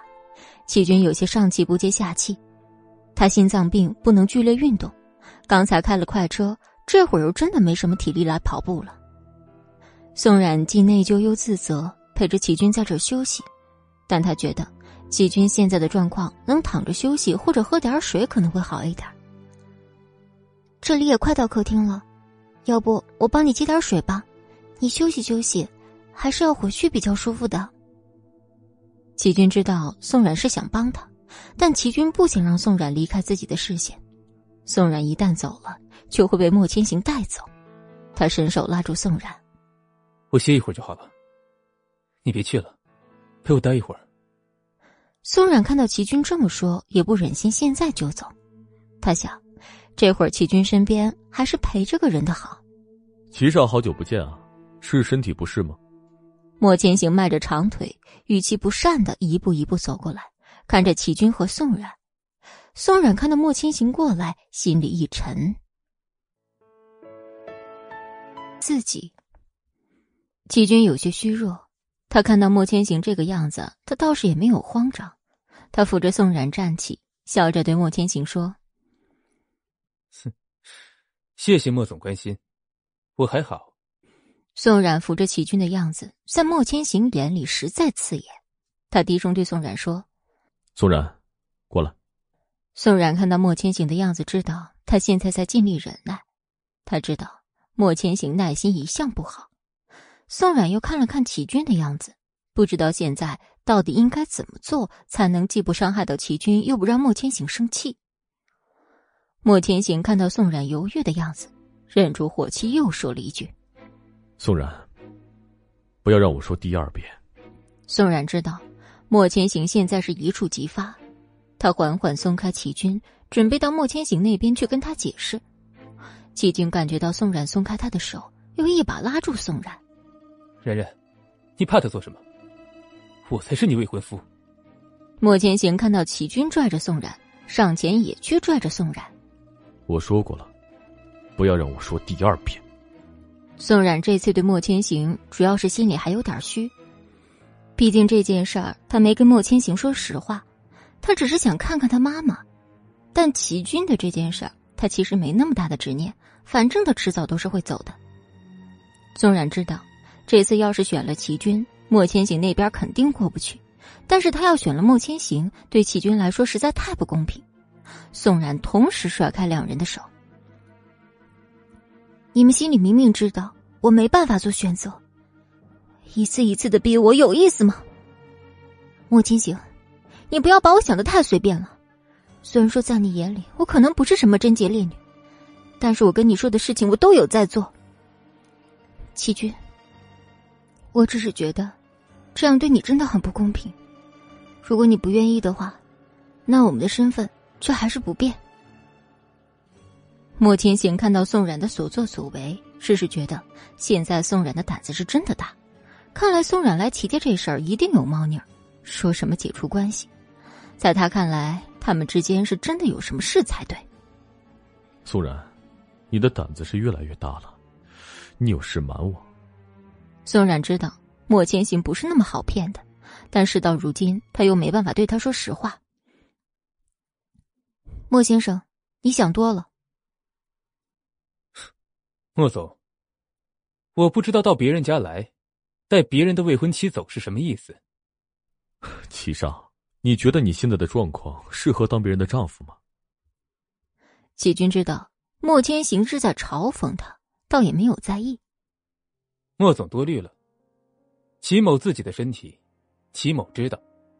莫千行看到齐军这副皮笑肉不笑的样子，心里不爽，但他现在只想带着宋冉离开。宋冉。我就问你一句，你跟不跟我走？宋冉看到莫千行，直说了，他肯定要跟莫千行走了。这是齐军这儿，齐军知道宋冉是一定会跟莫千行走的，只是他现在在担心他，他不需要宋冉的同情。然然，我不想让你为难，如果你想去，我不拦着你。宋冉看到齐军脸色苍白，看起来整个人很不好。但还是强撑着为他着想，真是没有对比就没有伤害。看看莫千行，再看看齐军。莫总，我可以跟你走，但是我要看到齐军安然无恙的去休息。请你去客厅，我随后就来。莫千行不知道宋冉又想搞什么猫腻，手拽着宋冉，他不想节外生枝。莫先生，请你放心。宋冉正是莫千行，他只是希望莫千行现在能够给他最后的尊严。莫千行看到宋冉这态度这么强硬，知道如果他现在对宋冉再强制，或许现在的宋冉真的可以做到宁为玉碎不为瓦全。你最好不要再搞什么花样。莫千行松开宋冉，转身就离开了。莫千行觉得，全世界只有宋冉才能让他受这种气。这件事无论怎么说，他都已经在照顾宋冉的情绪，只是不知道宋冉到底想做什么。他也不知道为什么，宋冉说出这些话的时候，他还是选择了妥协。宋冉看到莫千行走了，上前继续扶着齐军。其实好多事你不必做，我都懂。没事儿，我扶你回房间吧。我要看到你好好休息了，我才能放心。然然。我觉得这样还是不行。你的手机，莫千行会看吗？我们必须要联系很多事情，才会更好做。莫千行倒是不会看，可莫千行一直都很谨慎。宋然想了一会儿，他突然想起麒麟松的那个手机号倒是可以拥有。这样，我给你一个手机号，你可以往这上面发消息，放心，安全。齐军不知道宋冉还留了这样一手。不过，他的宋冉是相当聪明的。宋冉照顾齐军安稳的躺在床上，他又帮齐军倒了一杯水，看齐军的脸色没有刚才那么白了，才放下心来。这次你能过来，我还是很高兴。你待在墨家，要好好的照顾自己。你放心吧，我没事。你也是要照顾好自己。谢谢你把我妈妈照顾的这么好。好多事情你不用放在心上，跟我总是那么客气，没事的。齐军，你放心，我很快就会做好这些事。可能我不会给你一个满意的答复，但是我也不会再用齐军未婚妻这个身份让你难做。我知道这件事有难度，你好好做，我会帮你的。齐军看了一眼时间，知道莫千行肯定又要不耐烦了，就催促宋冉回去。齐军只是希望宋冉在墨家能够过得好一点，不要再惹怒莫千行。只要宋冉过得好，他不委屈。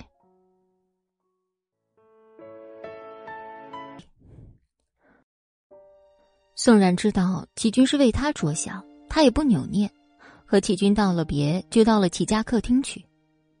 莫千行看到宋冉姗姗来迟，心里一团火。只是好在宋冉是过来了，没有像之前那样说走就走。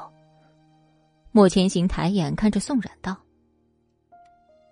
这会儿倒是自觉了，肯走了。”莫先生，你对我从来没有一点信任，但我说过的话是要作数的。莫千行知道，今天的性子是急了点但他不想宋冉再出什么意外，而且只要事情一和齐军挂钩。莫千行真的没有任何理智可言。宋冉，今天的事情很可疑，你就希望我不要查到什么吧。宋冉听到莫千行这么说，心里咯噔一声。他知道这些事儿逃不过莫千行的眼睛，但只要他母亲的事情不会暴露就好。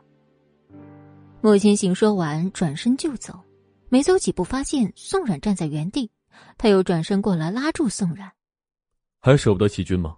走。”哦。宋冉最讨厌的就是莫千行一副自以为是的样子，一天天的也不知道他在跟齐军刚什么，他夹在中间真的很不好做。莫千行看到宋冉的样子就知道宋冉心里不高兴，只是宋冉冉小姐和宋冉相比实在是有心机。莫千行刚才在等宋冉下来的时候，已经叫人在查今天上午宋冉真正的行踪，他从来就不相信宋冉在齐家。只会为了跟齐军解除婚约这么简单，最关键的是，这个婚约到现在也没解除。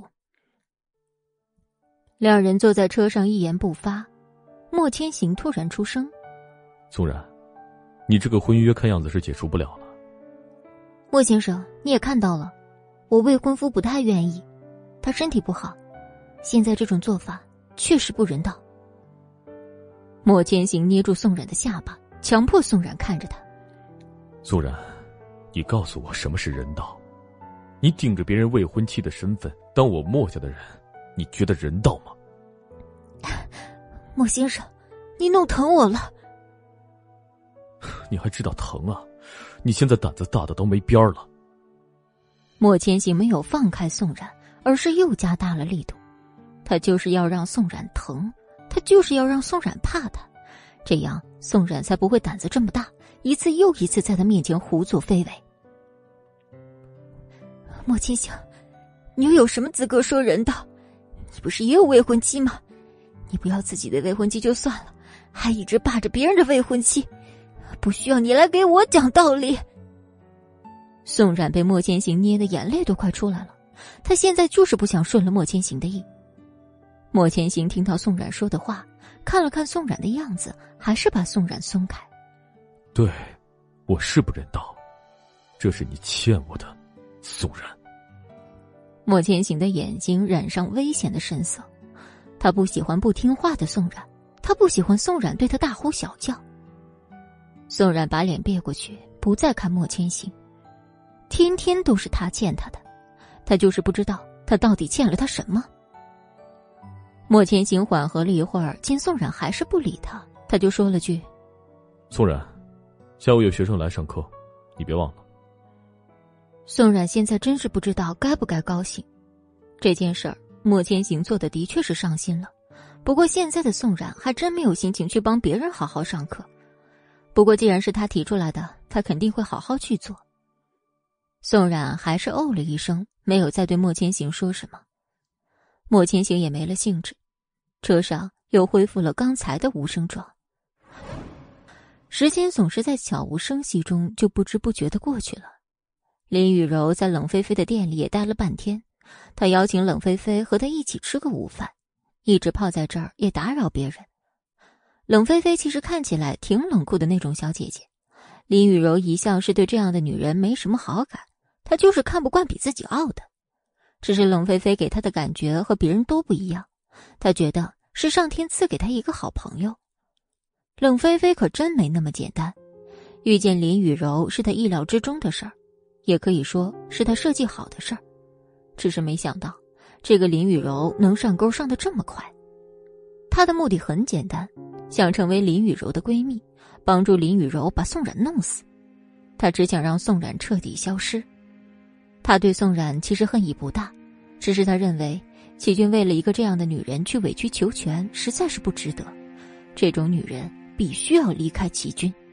但他冷菲菲做事向来做绝，他从来不相信好人有好报。如果他只是单纯的把宋冉从齐军身边弄走，世界上没有不透风的墙，他做的事儿迟早会被扒出来。但如果宋冉消失在这个世界上，那么这些问题都将不复存在。他认识齐军很多年，暗恋齐军很多年，只是一直没陪在齐军的身边。这样谦谦如玉的一个男人。现在被宋冉这么糟蹋，他真是恨极了他。宋冉，不要怪我，要怪就怪你自己水性杨花，不好好做别人的未婚妻。冷菲菲看林雨柔叫她一起吃午饭，心里自然是愿意的，但是人和人交往的热度来得快，那去的肯定快。林小姐的好意我心领了，只是今天确实还有事情要做。就不麻烦了，明天晚上我请你吃饭。冷菲菲刻意和林雨柔保持一定的距离，林雨柔没想到冷菲菲会这么说，不过想来冷菲菲陪她这么久，又听他讲了那么多，肯定不会刻意推脱，他也就释然了。菲菲啊，叫我雨柔吧，明天晚上还是我请你吃饭，明天我过来接你，今天就不打扰你了，拜拜。好的，雨柔，明天见。林雨柔心情大好的从冷菲菲店里走出来，她甩着她的包包，嘴里还哼着歌。要说这林雨柔确实心大，那个王亮已经这么久没出现了，他倒是一点都不着急，还是该吃吃，该喝喝。不知是对自己太自信，还是他对王亮太自信。林雨柔现在除了冷菲菲，都不太想跟别的人接触，她觉得。只有冷菲菲这样的人才不会对他有所图谋。他决定今天自己好好吃顿饭。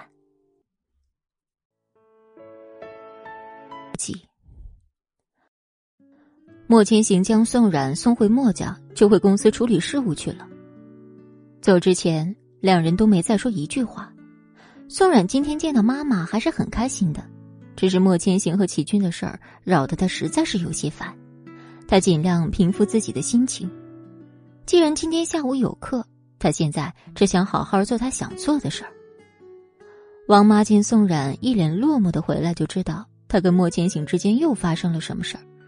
作为过来人的王妈知道，感情的事情别人是帮不上什么的，她只希望宋冉能好好跟莫千行在一块儿。毕竟她看得出来，两人其实心里都有对方。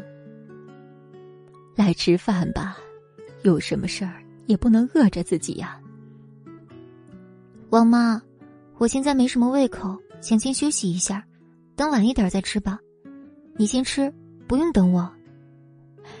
那你好好休息，我待会儿给你送杯热牛奶上去。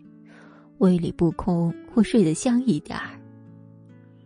宋冉对王妈点点头，就上楼回了卧室。林雨柔吃饱喝足，心情不错。她最近都没见过莫千行，一个是他不敢，还有一个就是他不想。他不敢是因为宋冉的事情，他还是太心虚了；他不想是因为这几天莫千行都没主动联系过他。是，他承认宋冉的事是他做的不对，相信莫千行现在已经猜到了七七八八，只是王亮下落不明，就算在莫千行的手上，他也不怕。只要他不认，莫千行又能拿他怎么样？林朗成搞的事情，林雨柔真的只是配合。他了解莫千行，也知道强扭的瓜不甜，他只是顺着他父亲的安排。严格来说，也不能怪他。林雨柔越想越觉得莫千行没有道理怪他，他今天一定要见到莫千行。他开车来到莫氏，在莫氏门口，他看着这座熟悉的大楼，这莫氏的江山是他林家把莫千行打下的。莫千行不是忘恩负义的人，他相信莫千行不会对他怎样。林雨柔内心不断给自己鼓气，好像下定决心一般，深呼吸一下，走进了末世。前台看到林雨柔，知道她有阵子没来，随即问道：“哎呀，林小姐，最近好久没见到您了，您还是这么漂亮。”林雨柔一直都很讨厌这种阿谀奉承的人，但这是末世。她将来是这儿的女主人，总要摆出点样子来。是啊，最近有点事，今天过来看看你们莫总。好的，我通报一下。林小姐，你也知道规矩，你稍等一下哈，一会儿就好。前台笑得一脸标准。思慕收到前台的消息，赶紧就跟莫千行做了汇报。莫千行眉头一挑，对思慕说：“不见。”思慕知道是这个结果，可他始终还是觉得这样做不合适。毕竟这个林雨柔是莫千行明面上的未婚妻，而且林雨柔这次已经很不一样了。之前林雨柔只要来办公室，从来不会等，她从来都是直接上来，直接进来。现在能做到这样，说明林雨柔已经在改。林小姐这次没有直接上来，您这样好像不太给别人面子。现在我的事情也轮到你来插嘴了。孙母知道莫千行的脾气是这样的，但是作为一个负责人的下属，他不能看莫千行犯错。林小姐是您明面上的未婚妻，你不给她面子，总要顾着林家吧？很好，思慕，你最近是不是没有加班了？很闲啊。行吧。您说不见就不见，反正见不见都是您说了算，我为您考虑再多都没有用。思慕开始对着莫千行耍无赖。你一口一个您，怎么？我是上了年纪吗？莫千行知道思慕说的有道理，还是同意了思慕的看法。叫他来吧。思慕知道莫千行心里比谁都清楚，只是现在的形势来说，林家还不能被莫千行这么对待。前台收到消息，笑眯眯的对林雨柔说：“林小姐，您现在可以进去了。”林雨柔等的也有些不耐烦，但终究还是没说什么，抬头挺胸走进了电梯。前台看着林雨柔那个样子，心里忍不住也在想：不知道摆出这样子给谁看？谁不知道他林雨柔根本不得宠，莫总只是对林家有感恩之心罢了。林雨柔一走进莫千行的办公室，就扑到了莫千行身上。千行，人家好久都没见你了，你最近几天是不是都好忙呀？林雨柔还是一贯的矫揉造作。莫千行以前都没觉得林雨柔声音这么作，可能是听惯了宋冉的声音。宋冉从来不作，恰到好处的可爱也不是刻意表现出来的。林雨柔现在这副样子。莫千行真是越来越看不惯。莫千行有些厌恶的推开林雨柔的手。雨柔好些日子没来了，是在闭门思过吗？林雨柔听出莫千行话里的意思，他知道莫千行是在怪他那天晚上的事儿，当即他就挤出几滴眼泪。千行，你是真的误会我了。装可怜一向是林雨柔的看家本领。一旁的思慕都有些看不下去了，这个女人上来就放大招，这谁顶得住啊？莫千行微微有些不悦，但没有表现出来，继续看着林雨柔表演。千行，你不知道，虽然我们已经订了婚，但是我们的婚期从来就没讨论过。我知道你很忙没时间，可是我爸爸他急呀，他就想让我们行夫妻之实，再好好商量婚期。我这也是没办法呀，你说我爸爸的话，我怎么敢不听呢？你说，这是你父亲的意思？几？当然了，千行，我还能骗你不成啊？那日在林家，林朗成表现的确怪异，不断的灌着他酒，也不谈什么要事。想到这些，莫千行便淡淡的嗯了声，随后道：“嗯，还有什么事吗？人家只是怕你还在生气，专程过来跟你道个歉。现在道完歉了，我还很忙。言外之意就是你可以走了。”林雨柔听懂了莫千行的话，嗲声嗲气：“千行，你这么着急赶人家走呀？”莫千行和宋冉闹得不愉快，连带整个人周围的气压都很低，一记眼杀杀到林雨柔身上，林雨柔被吓得立马噤声。四目在旁边看得忍不住都要笑出声了。那我回去了。林雨柔不甘心的说。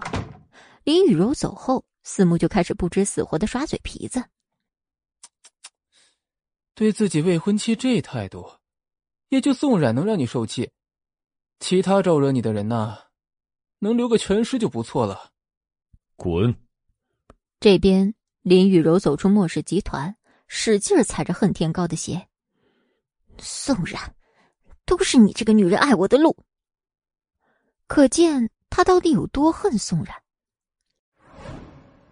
墨家钢琴室。宋冉穿着白色吊带连衣裙，微卷的长发披在肩上，指尖跳跃在钢琴黑白键之间，宛若误入凡尘的仙女。一曲钢琴演奏完毕，站在旁边的三名学生都鼓起掌来。这首曲子艺名为《情书》，宋冉曾经跟莫千行一起演奏过。宋冉弹钢琴，莫千行敲电子鼓，这样完美的结合，才是一封真正的情书。当这三名学生要求宋冉为他们弹一首钢琴曲时，宋冉不知为何就弹起了这首。曲还未散，可人已散去。名叫宁宁的漂亮女生率先开口：“老师，你弹的真好。”宋冉收回思绪，微微一笑：“ 只要你们多加练习，可以跟老师弹的一样好。”不得不说。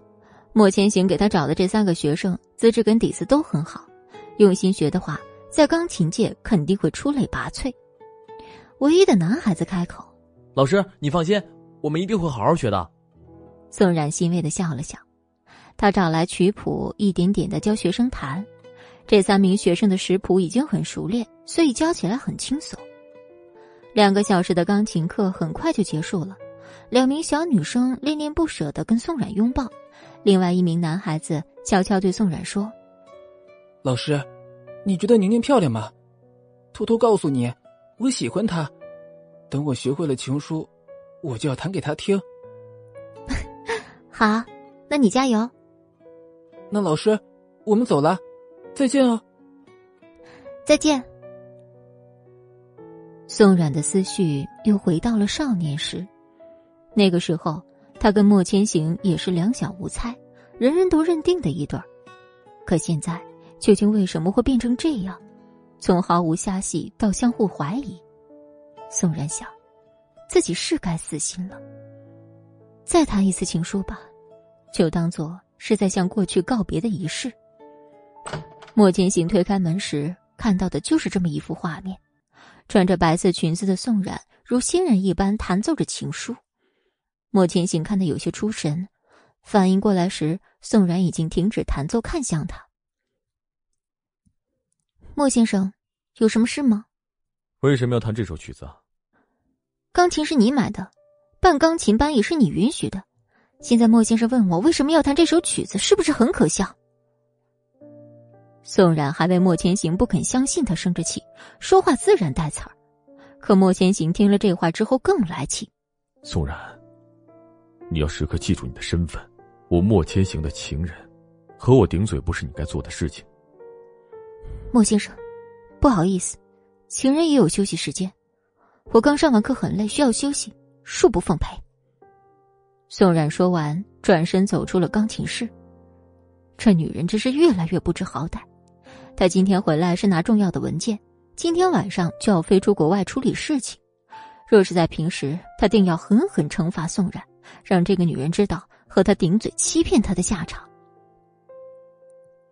卧室里，宋冉看着日历，根据祁连松的消息，莫千行明天就要出国，他一定要把握好这次来之不易的机会，拿到录音证明自己的清白，搜集更多的证据，让林雨柔一败涂地。室外，莫千行让司慕安排众多保镖在莫家别墅外，防止宋冉再和齐军逃出去。一排排保镖整齐的站在门前，颇有连一只苍蝇都不放进来的架势。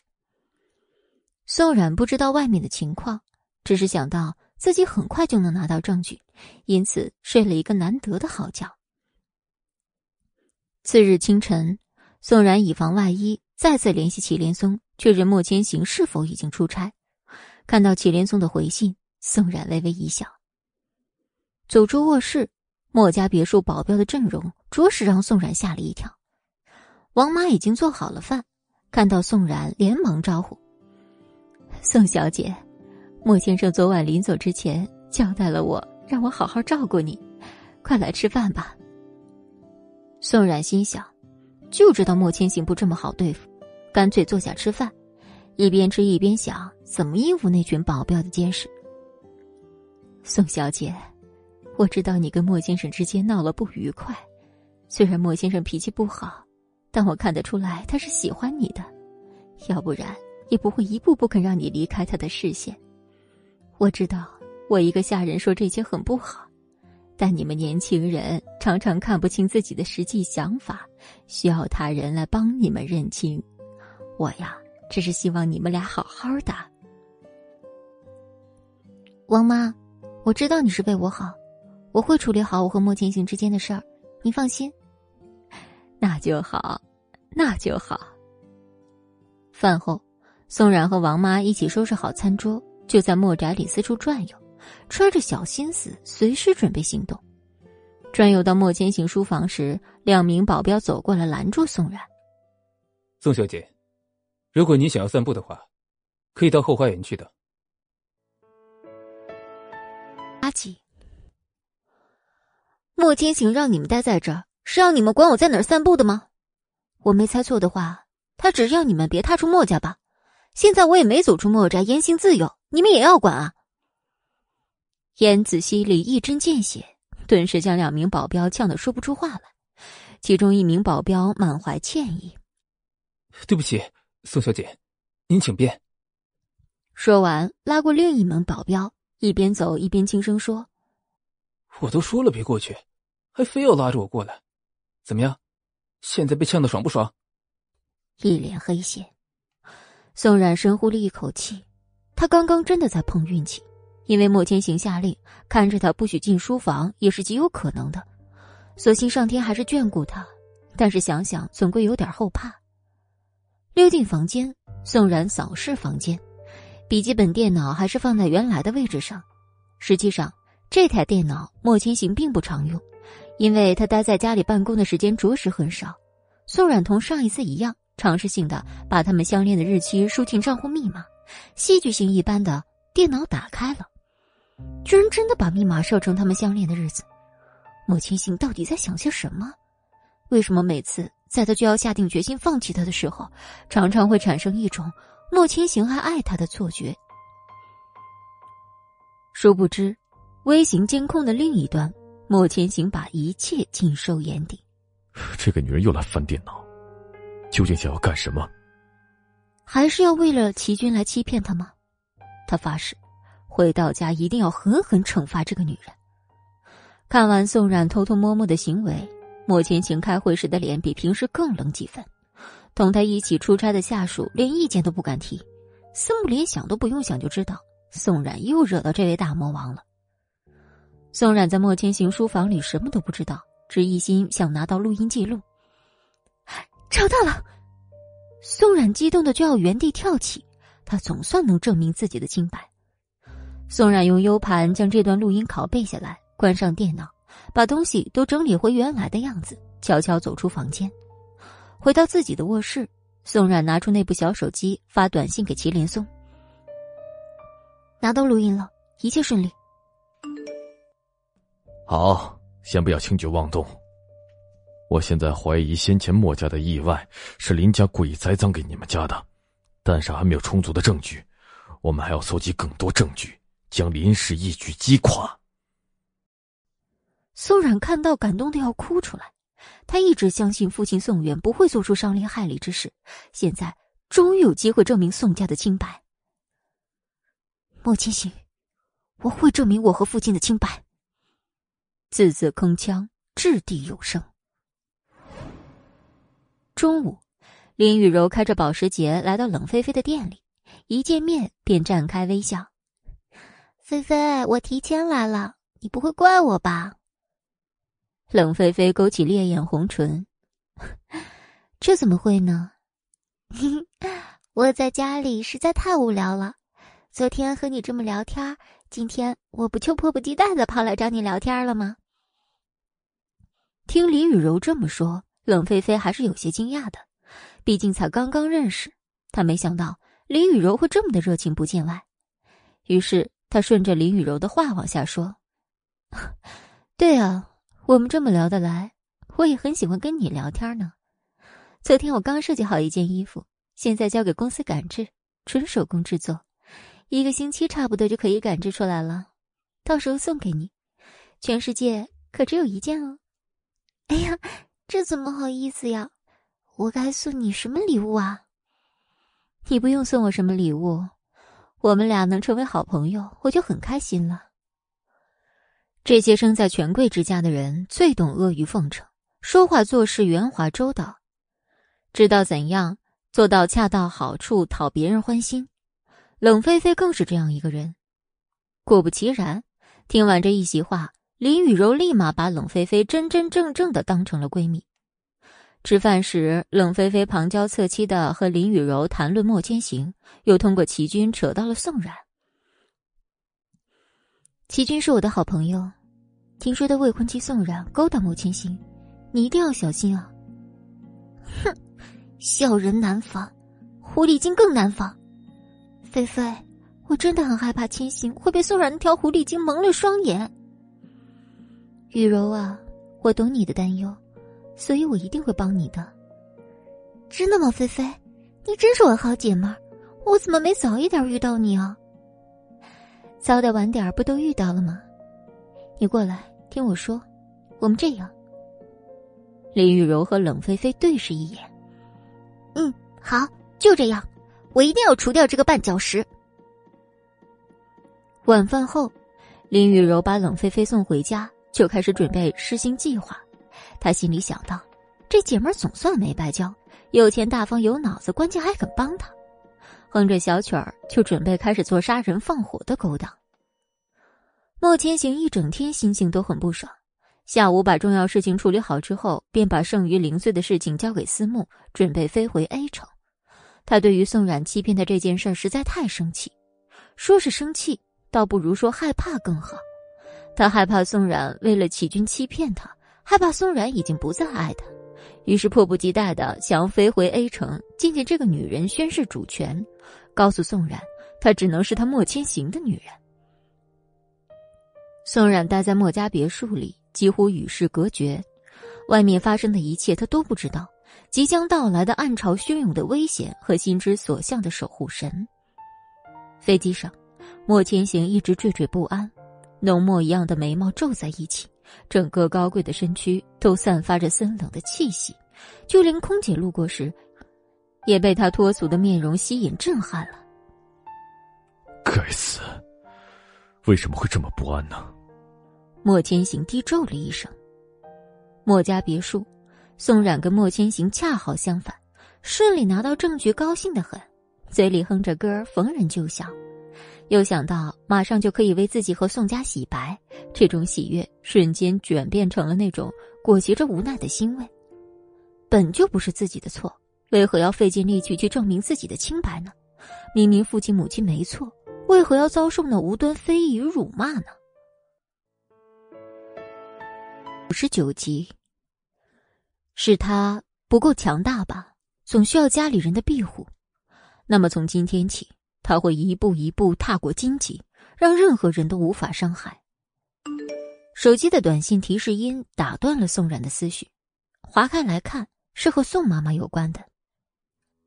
你妈妈现在在朝阳路第二道街的废弃工厂，五百万，只准你一个人来，不许报警。后面还附上了宋妈妈躺在满是灰尘地面的照片，宋冉的心忽的一沉，他才拿到一点证据，才要变得坚强，妈妈怎么能出事儿呢？宋冉害怕极了，他连呼吸都有些不畅，他刚要出门，便被保镖拦住。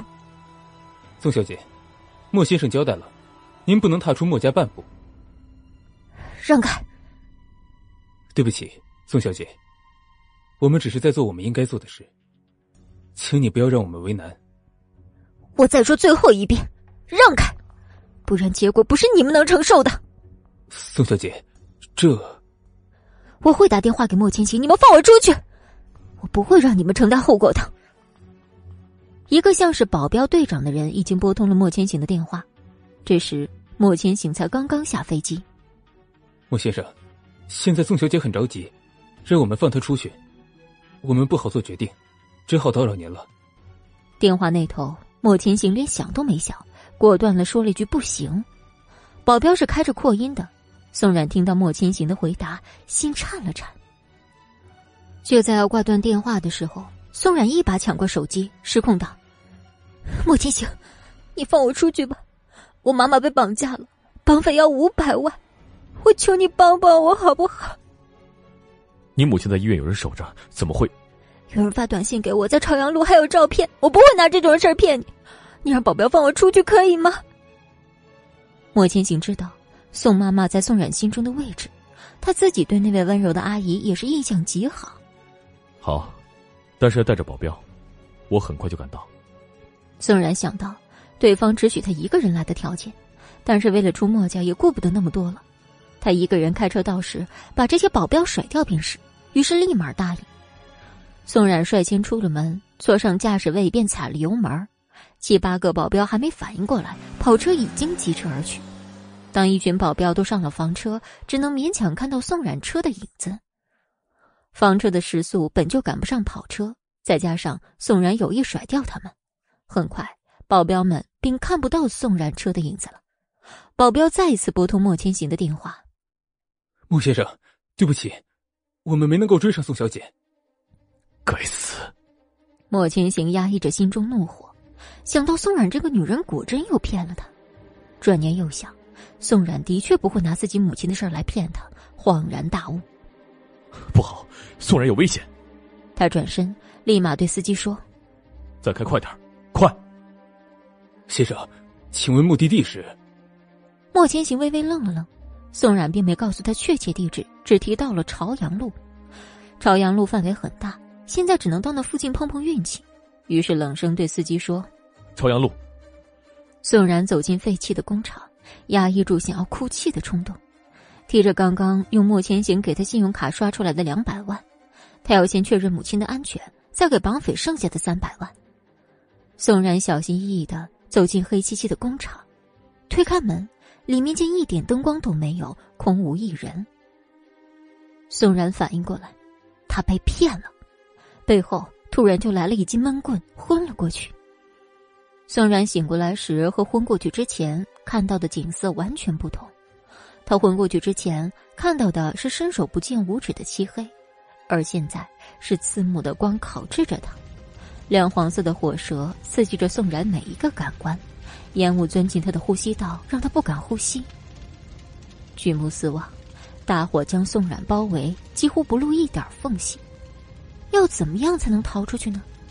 宋冉知道，切不可再浪费时间，时间越久他就越危险，烧伤总比连命都没有的好。就在宋冉刚刚决定要以博弈般冒险的方式跑出火场时，一个高大挺拔的身影冲了进来。那人披着厚厚的湿毯子，踏着火光而来，仿佛是神邸降世。不知是被火光刺得睁不开眼，还是被那人周身散发的光耀到了，宋衍的双目极其疼痛。他用尽力气看向那个向他走来的人，宋冉似乎觉得莫千行的影子不过是自己的幻觉。他伸出右手去碰那人的脸，意料之外的，他碰触到了活生生的人。随后，终于受不了火舌的烤制与烟气的缭绕，双腿一软，便昏了过去。莫千行刚好接住宋冉要倒下的身躯，他稳稳扶住，把身上披着的湿毯拿下，裹住宋冉的身子，闯出火场。迷迷糊糊中，宋冉好像听到莫千行在唤他，用一种近乎焦灼的语气：“宋冉，如果你敢死，我一定不会放过你。宋冉，你就算是死，也只能死在我的怀里，听到没有？你快回答我，和我说句话。”随后是吵闹的消防车声音和警笛声，各种人声混在一起。宋冉闷闷的念了句：“好吵。”便彻底昏死过去。那个夜晚是宋冉记得最模糊，却永远不会忘记的。宋冉醒过来时是次日下午，睡了十几个小时，眼睛却依旧疼得厉害，浑身的皮肤都火辣辣的，可见之处全都是淡淡的红色。见宋冉醒过来，护士便立马按了铃，叫医生过来，微微一笑，对宋冉说：“你醒了，感觉怎么样？眼睛跟皮肤还痛吗？”宋冉摇摇头，又点点头。护士见宋冉迷迷糊糊的样子，便乐了：“您这倒是疼还是不疼呢？不过您放心，没有什么大碍的。你皮肤的红肿主要是长时间高温烤制造成的，并没有严重损伤到角质层，所以即便受伤面积比较大，也不会造成感染。”急。宋冉刚醒过来，嗓子很疼。很勉强的才说出“谢谢”这两个字。年轻的护士很健谈，打算跟宋冉继续聊下去。不过你啊，还真得谢谢莫先生。听别的护士说，他为了救你伤的很厉害。宋冉愣了愣，难道不是幻觉？莫千行真的救了他？你说的那个莫先生，在哪儿？在哪个病房的话，这个我不是很清楚。只是听说伤得很重，宋冉的心沉了沉，情绪复杂。主治医师走了进来，一开口就是：“患者感觉怎么样？还好吧？哎，医生，您知道和我一起进来那个男患者在哪个病房吗？”您说的是莫先生。嗯，莫先生，据我所知，还没有从 ICU 转出来。一直高烧不退，看样子挺麻烦的。听到这句“挺麻烦”时，宋冉几乎要再一次昏过去。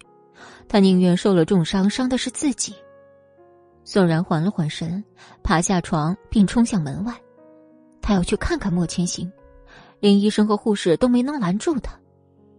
这个男人不是恨他吗？为什么还要冲进火场去救他？为什么想要放弃他了，他却再一次让他心动？宋冉边跑边问医院的工作人员，双目猩红，跌跌撞撞。莫千行是这家高级私立医院的大股东，所以医院里不管是医生还是护士，对莫千行多多少少都有点耳闻。莫千行所在的 ICU 和普通的 ICU 有很大的不同，空间很大，除去医疗器械，其他的设施与风格几乎与总统套房没什么区别。隔着厚厚的玻璃，宋冉看着莫千行躺在病床上，身上连接着各种宋冉并不懂的医学设备。宋冉胸口堵得厉害，呢喃着：“莫千行，我想你了。”想起昨晚莫千行隐隐约约的那句“你只能死在我的怀里”，宋冉的眼泪就如同断了线的珠子，汹涌着，没有要停的趋势。宋冉被莫千行欺负侮辱时，他都没哭，却因为莫千行救了他一命流了眼泪。宋冉正愣着神儿，忽的一巴掌就扇到他脸上，顿时脸上便浮起了一抹红印。林雨柔冷着脸：“宋冉，千行是因为你才成这个样子的，你怎么还好意思出现在这儿？”宋冉知道，火灾的事情和林雨柔脱不了干系。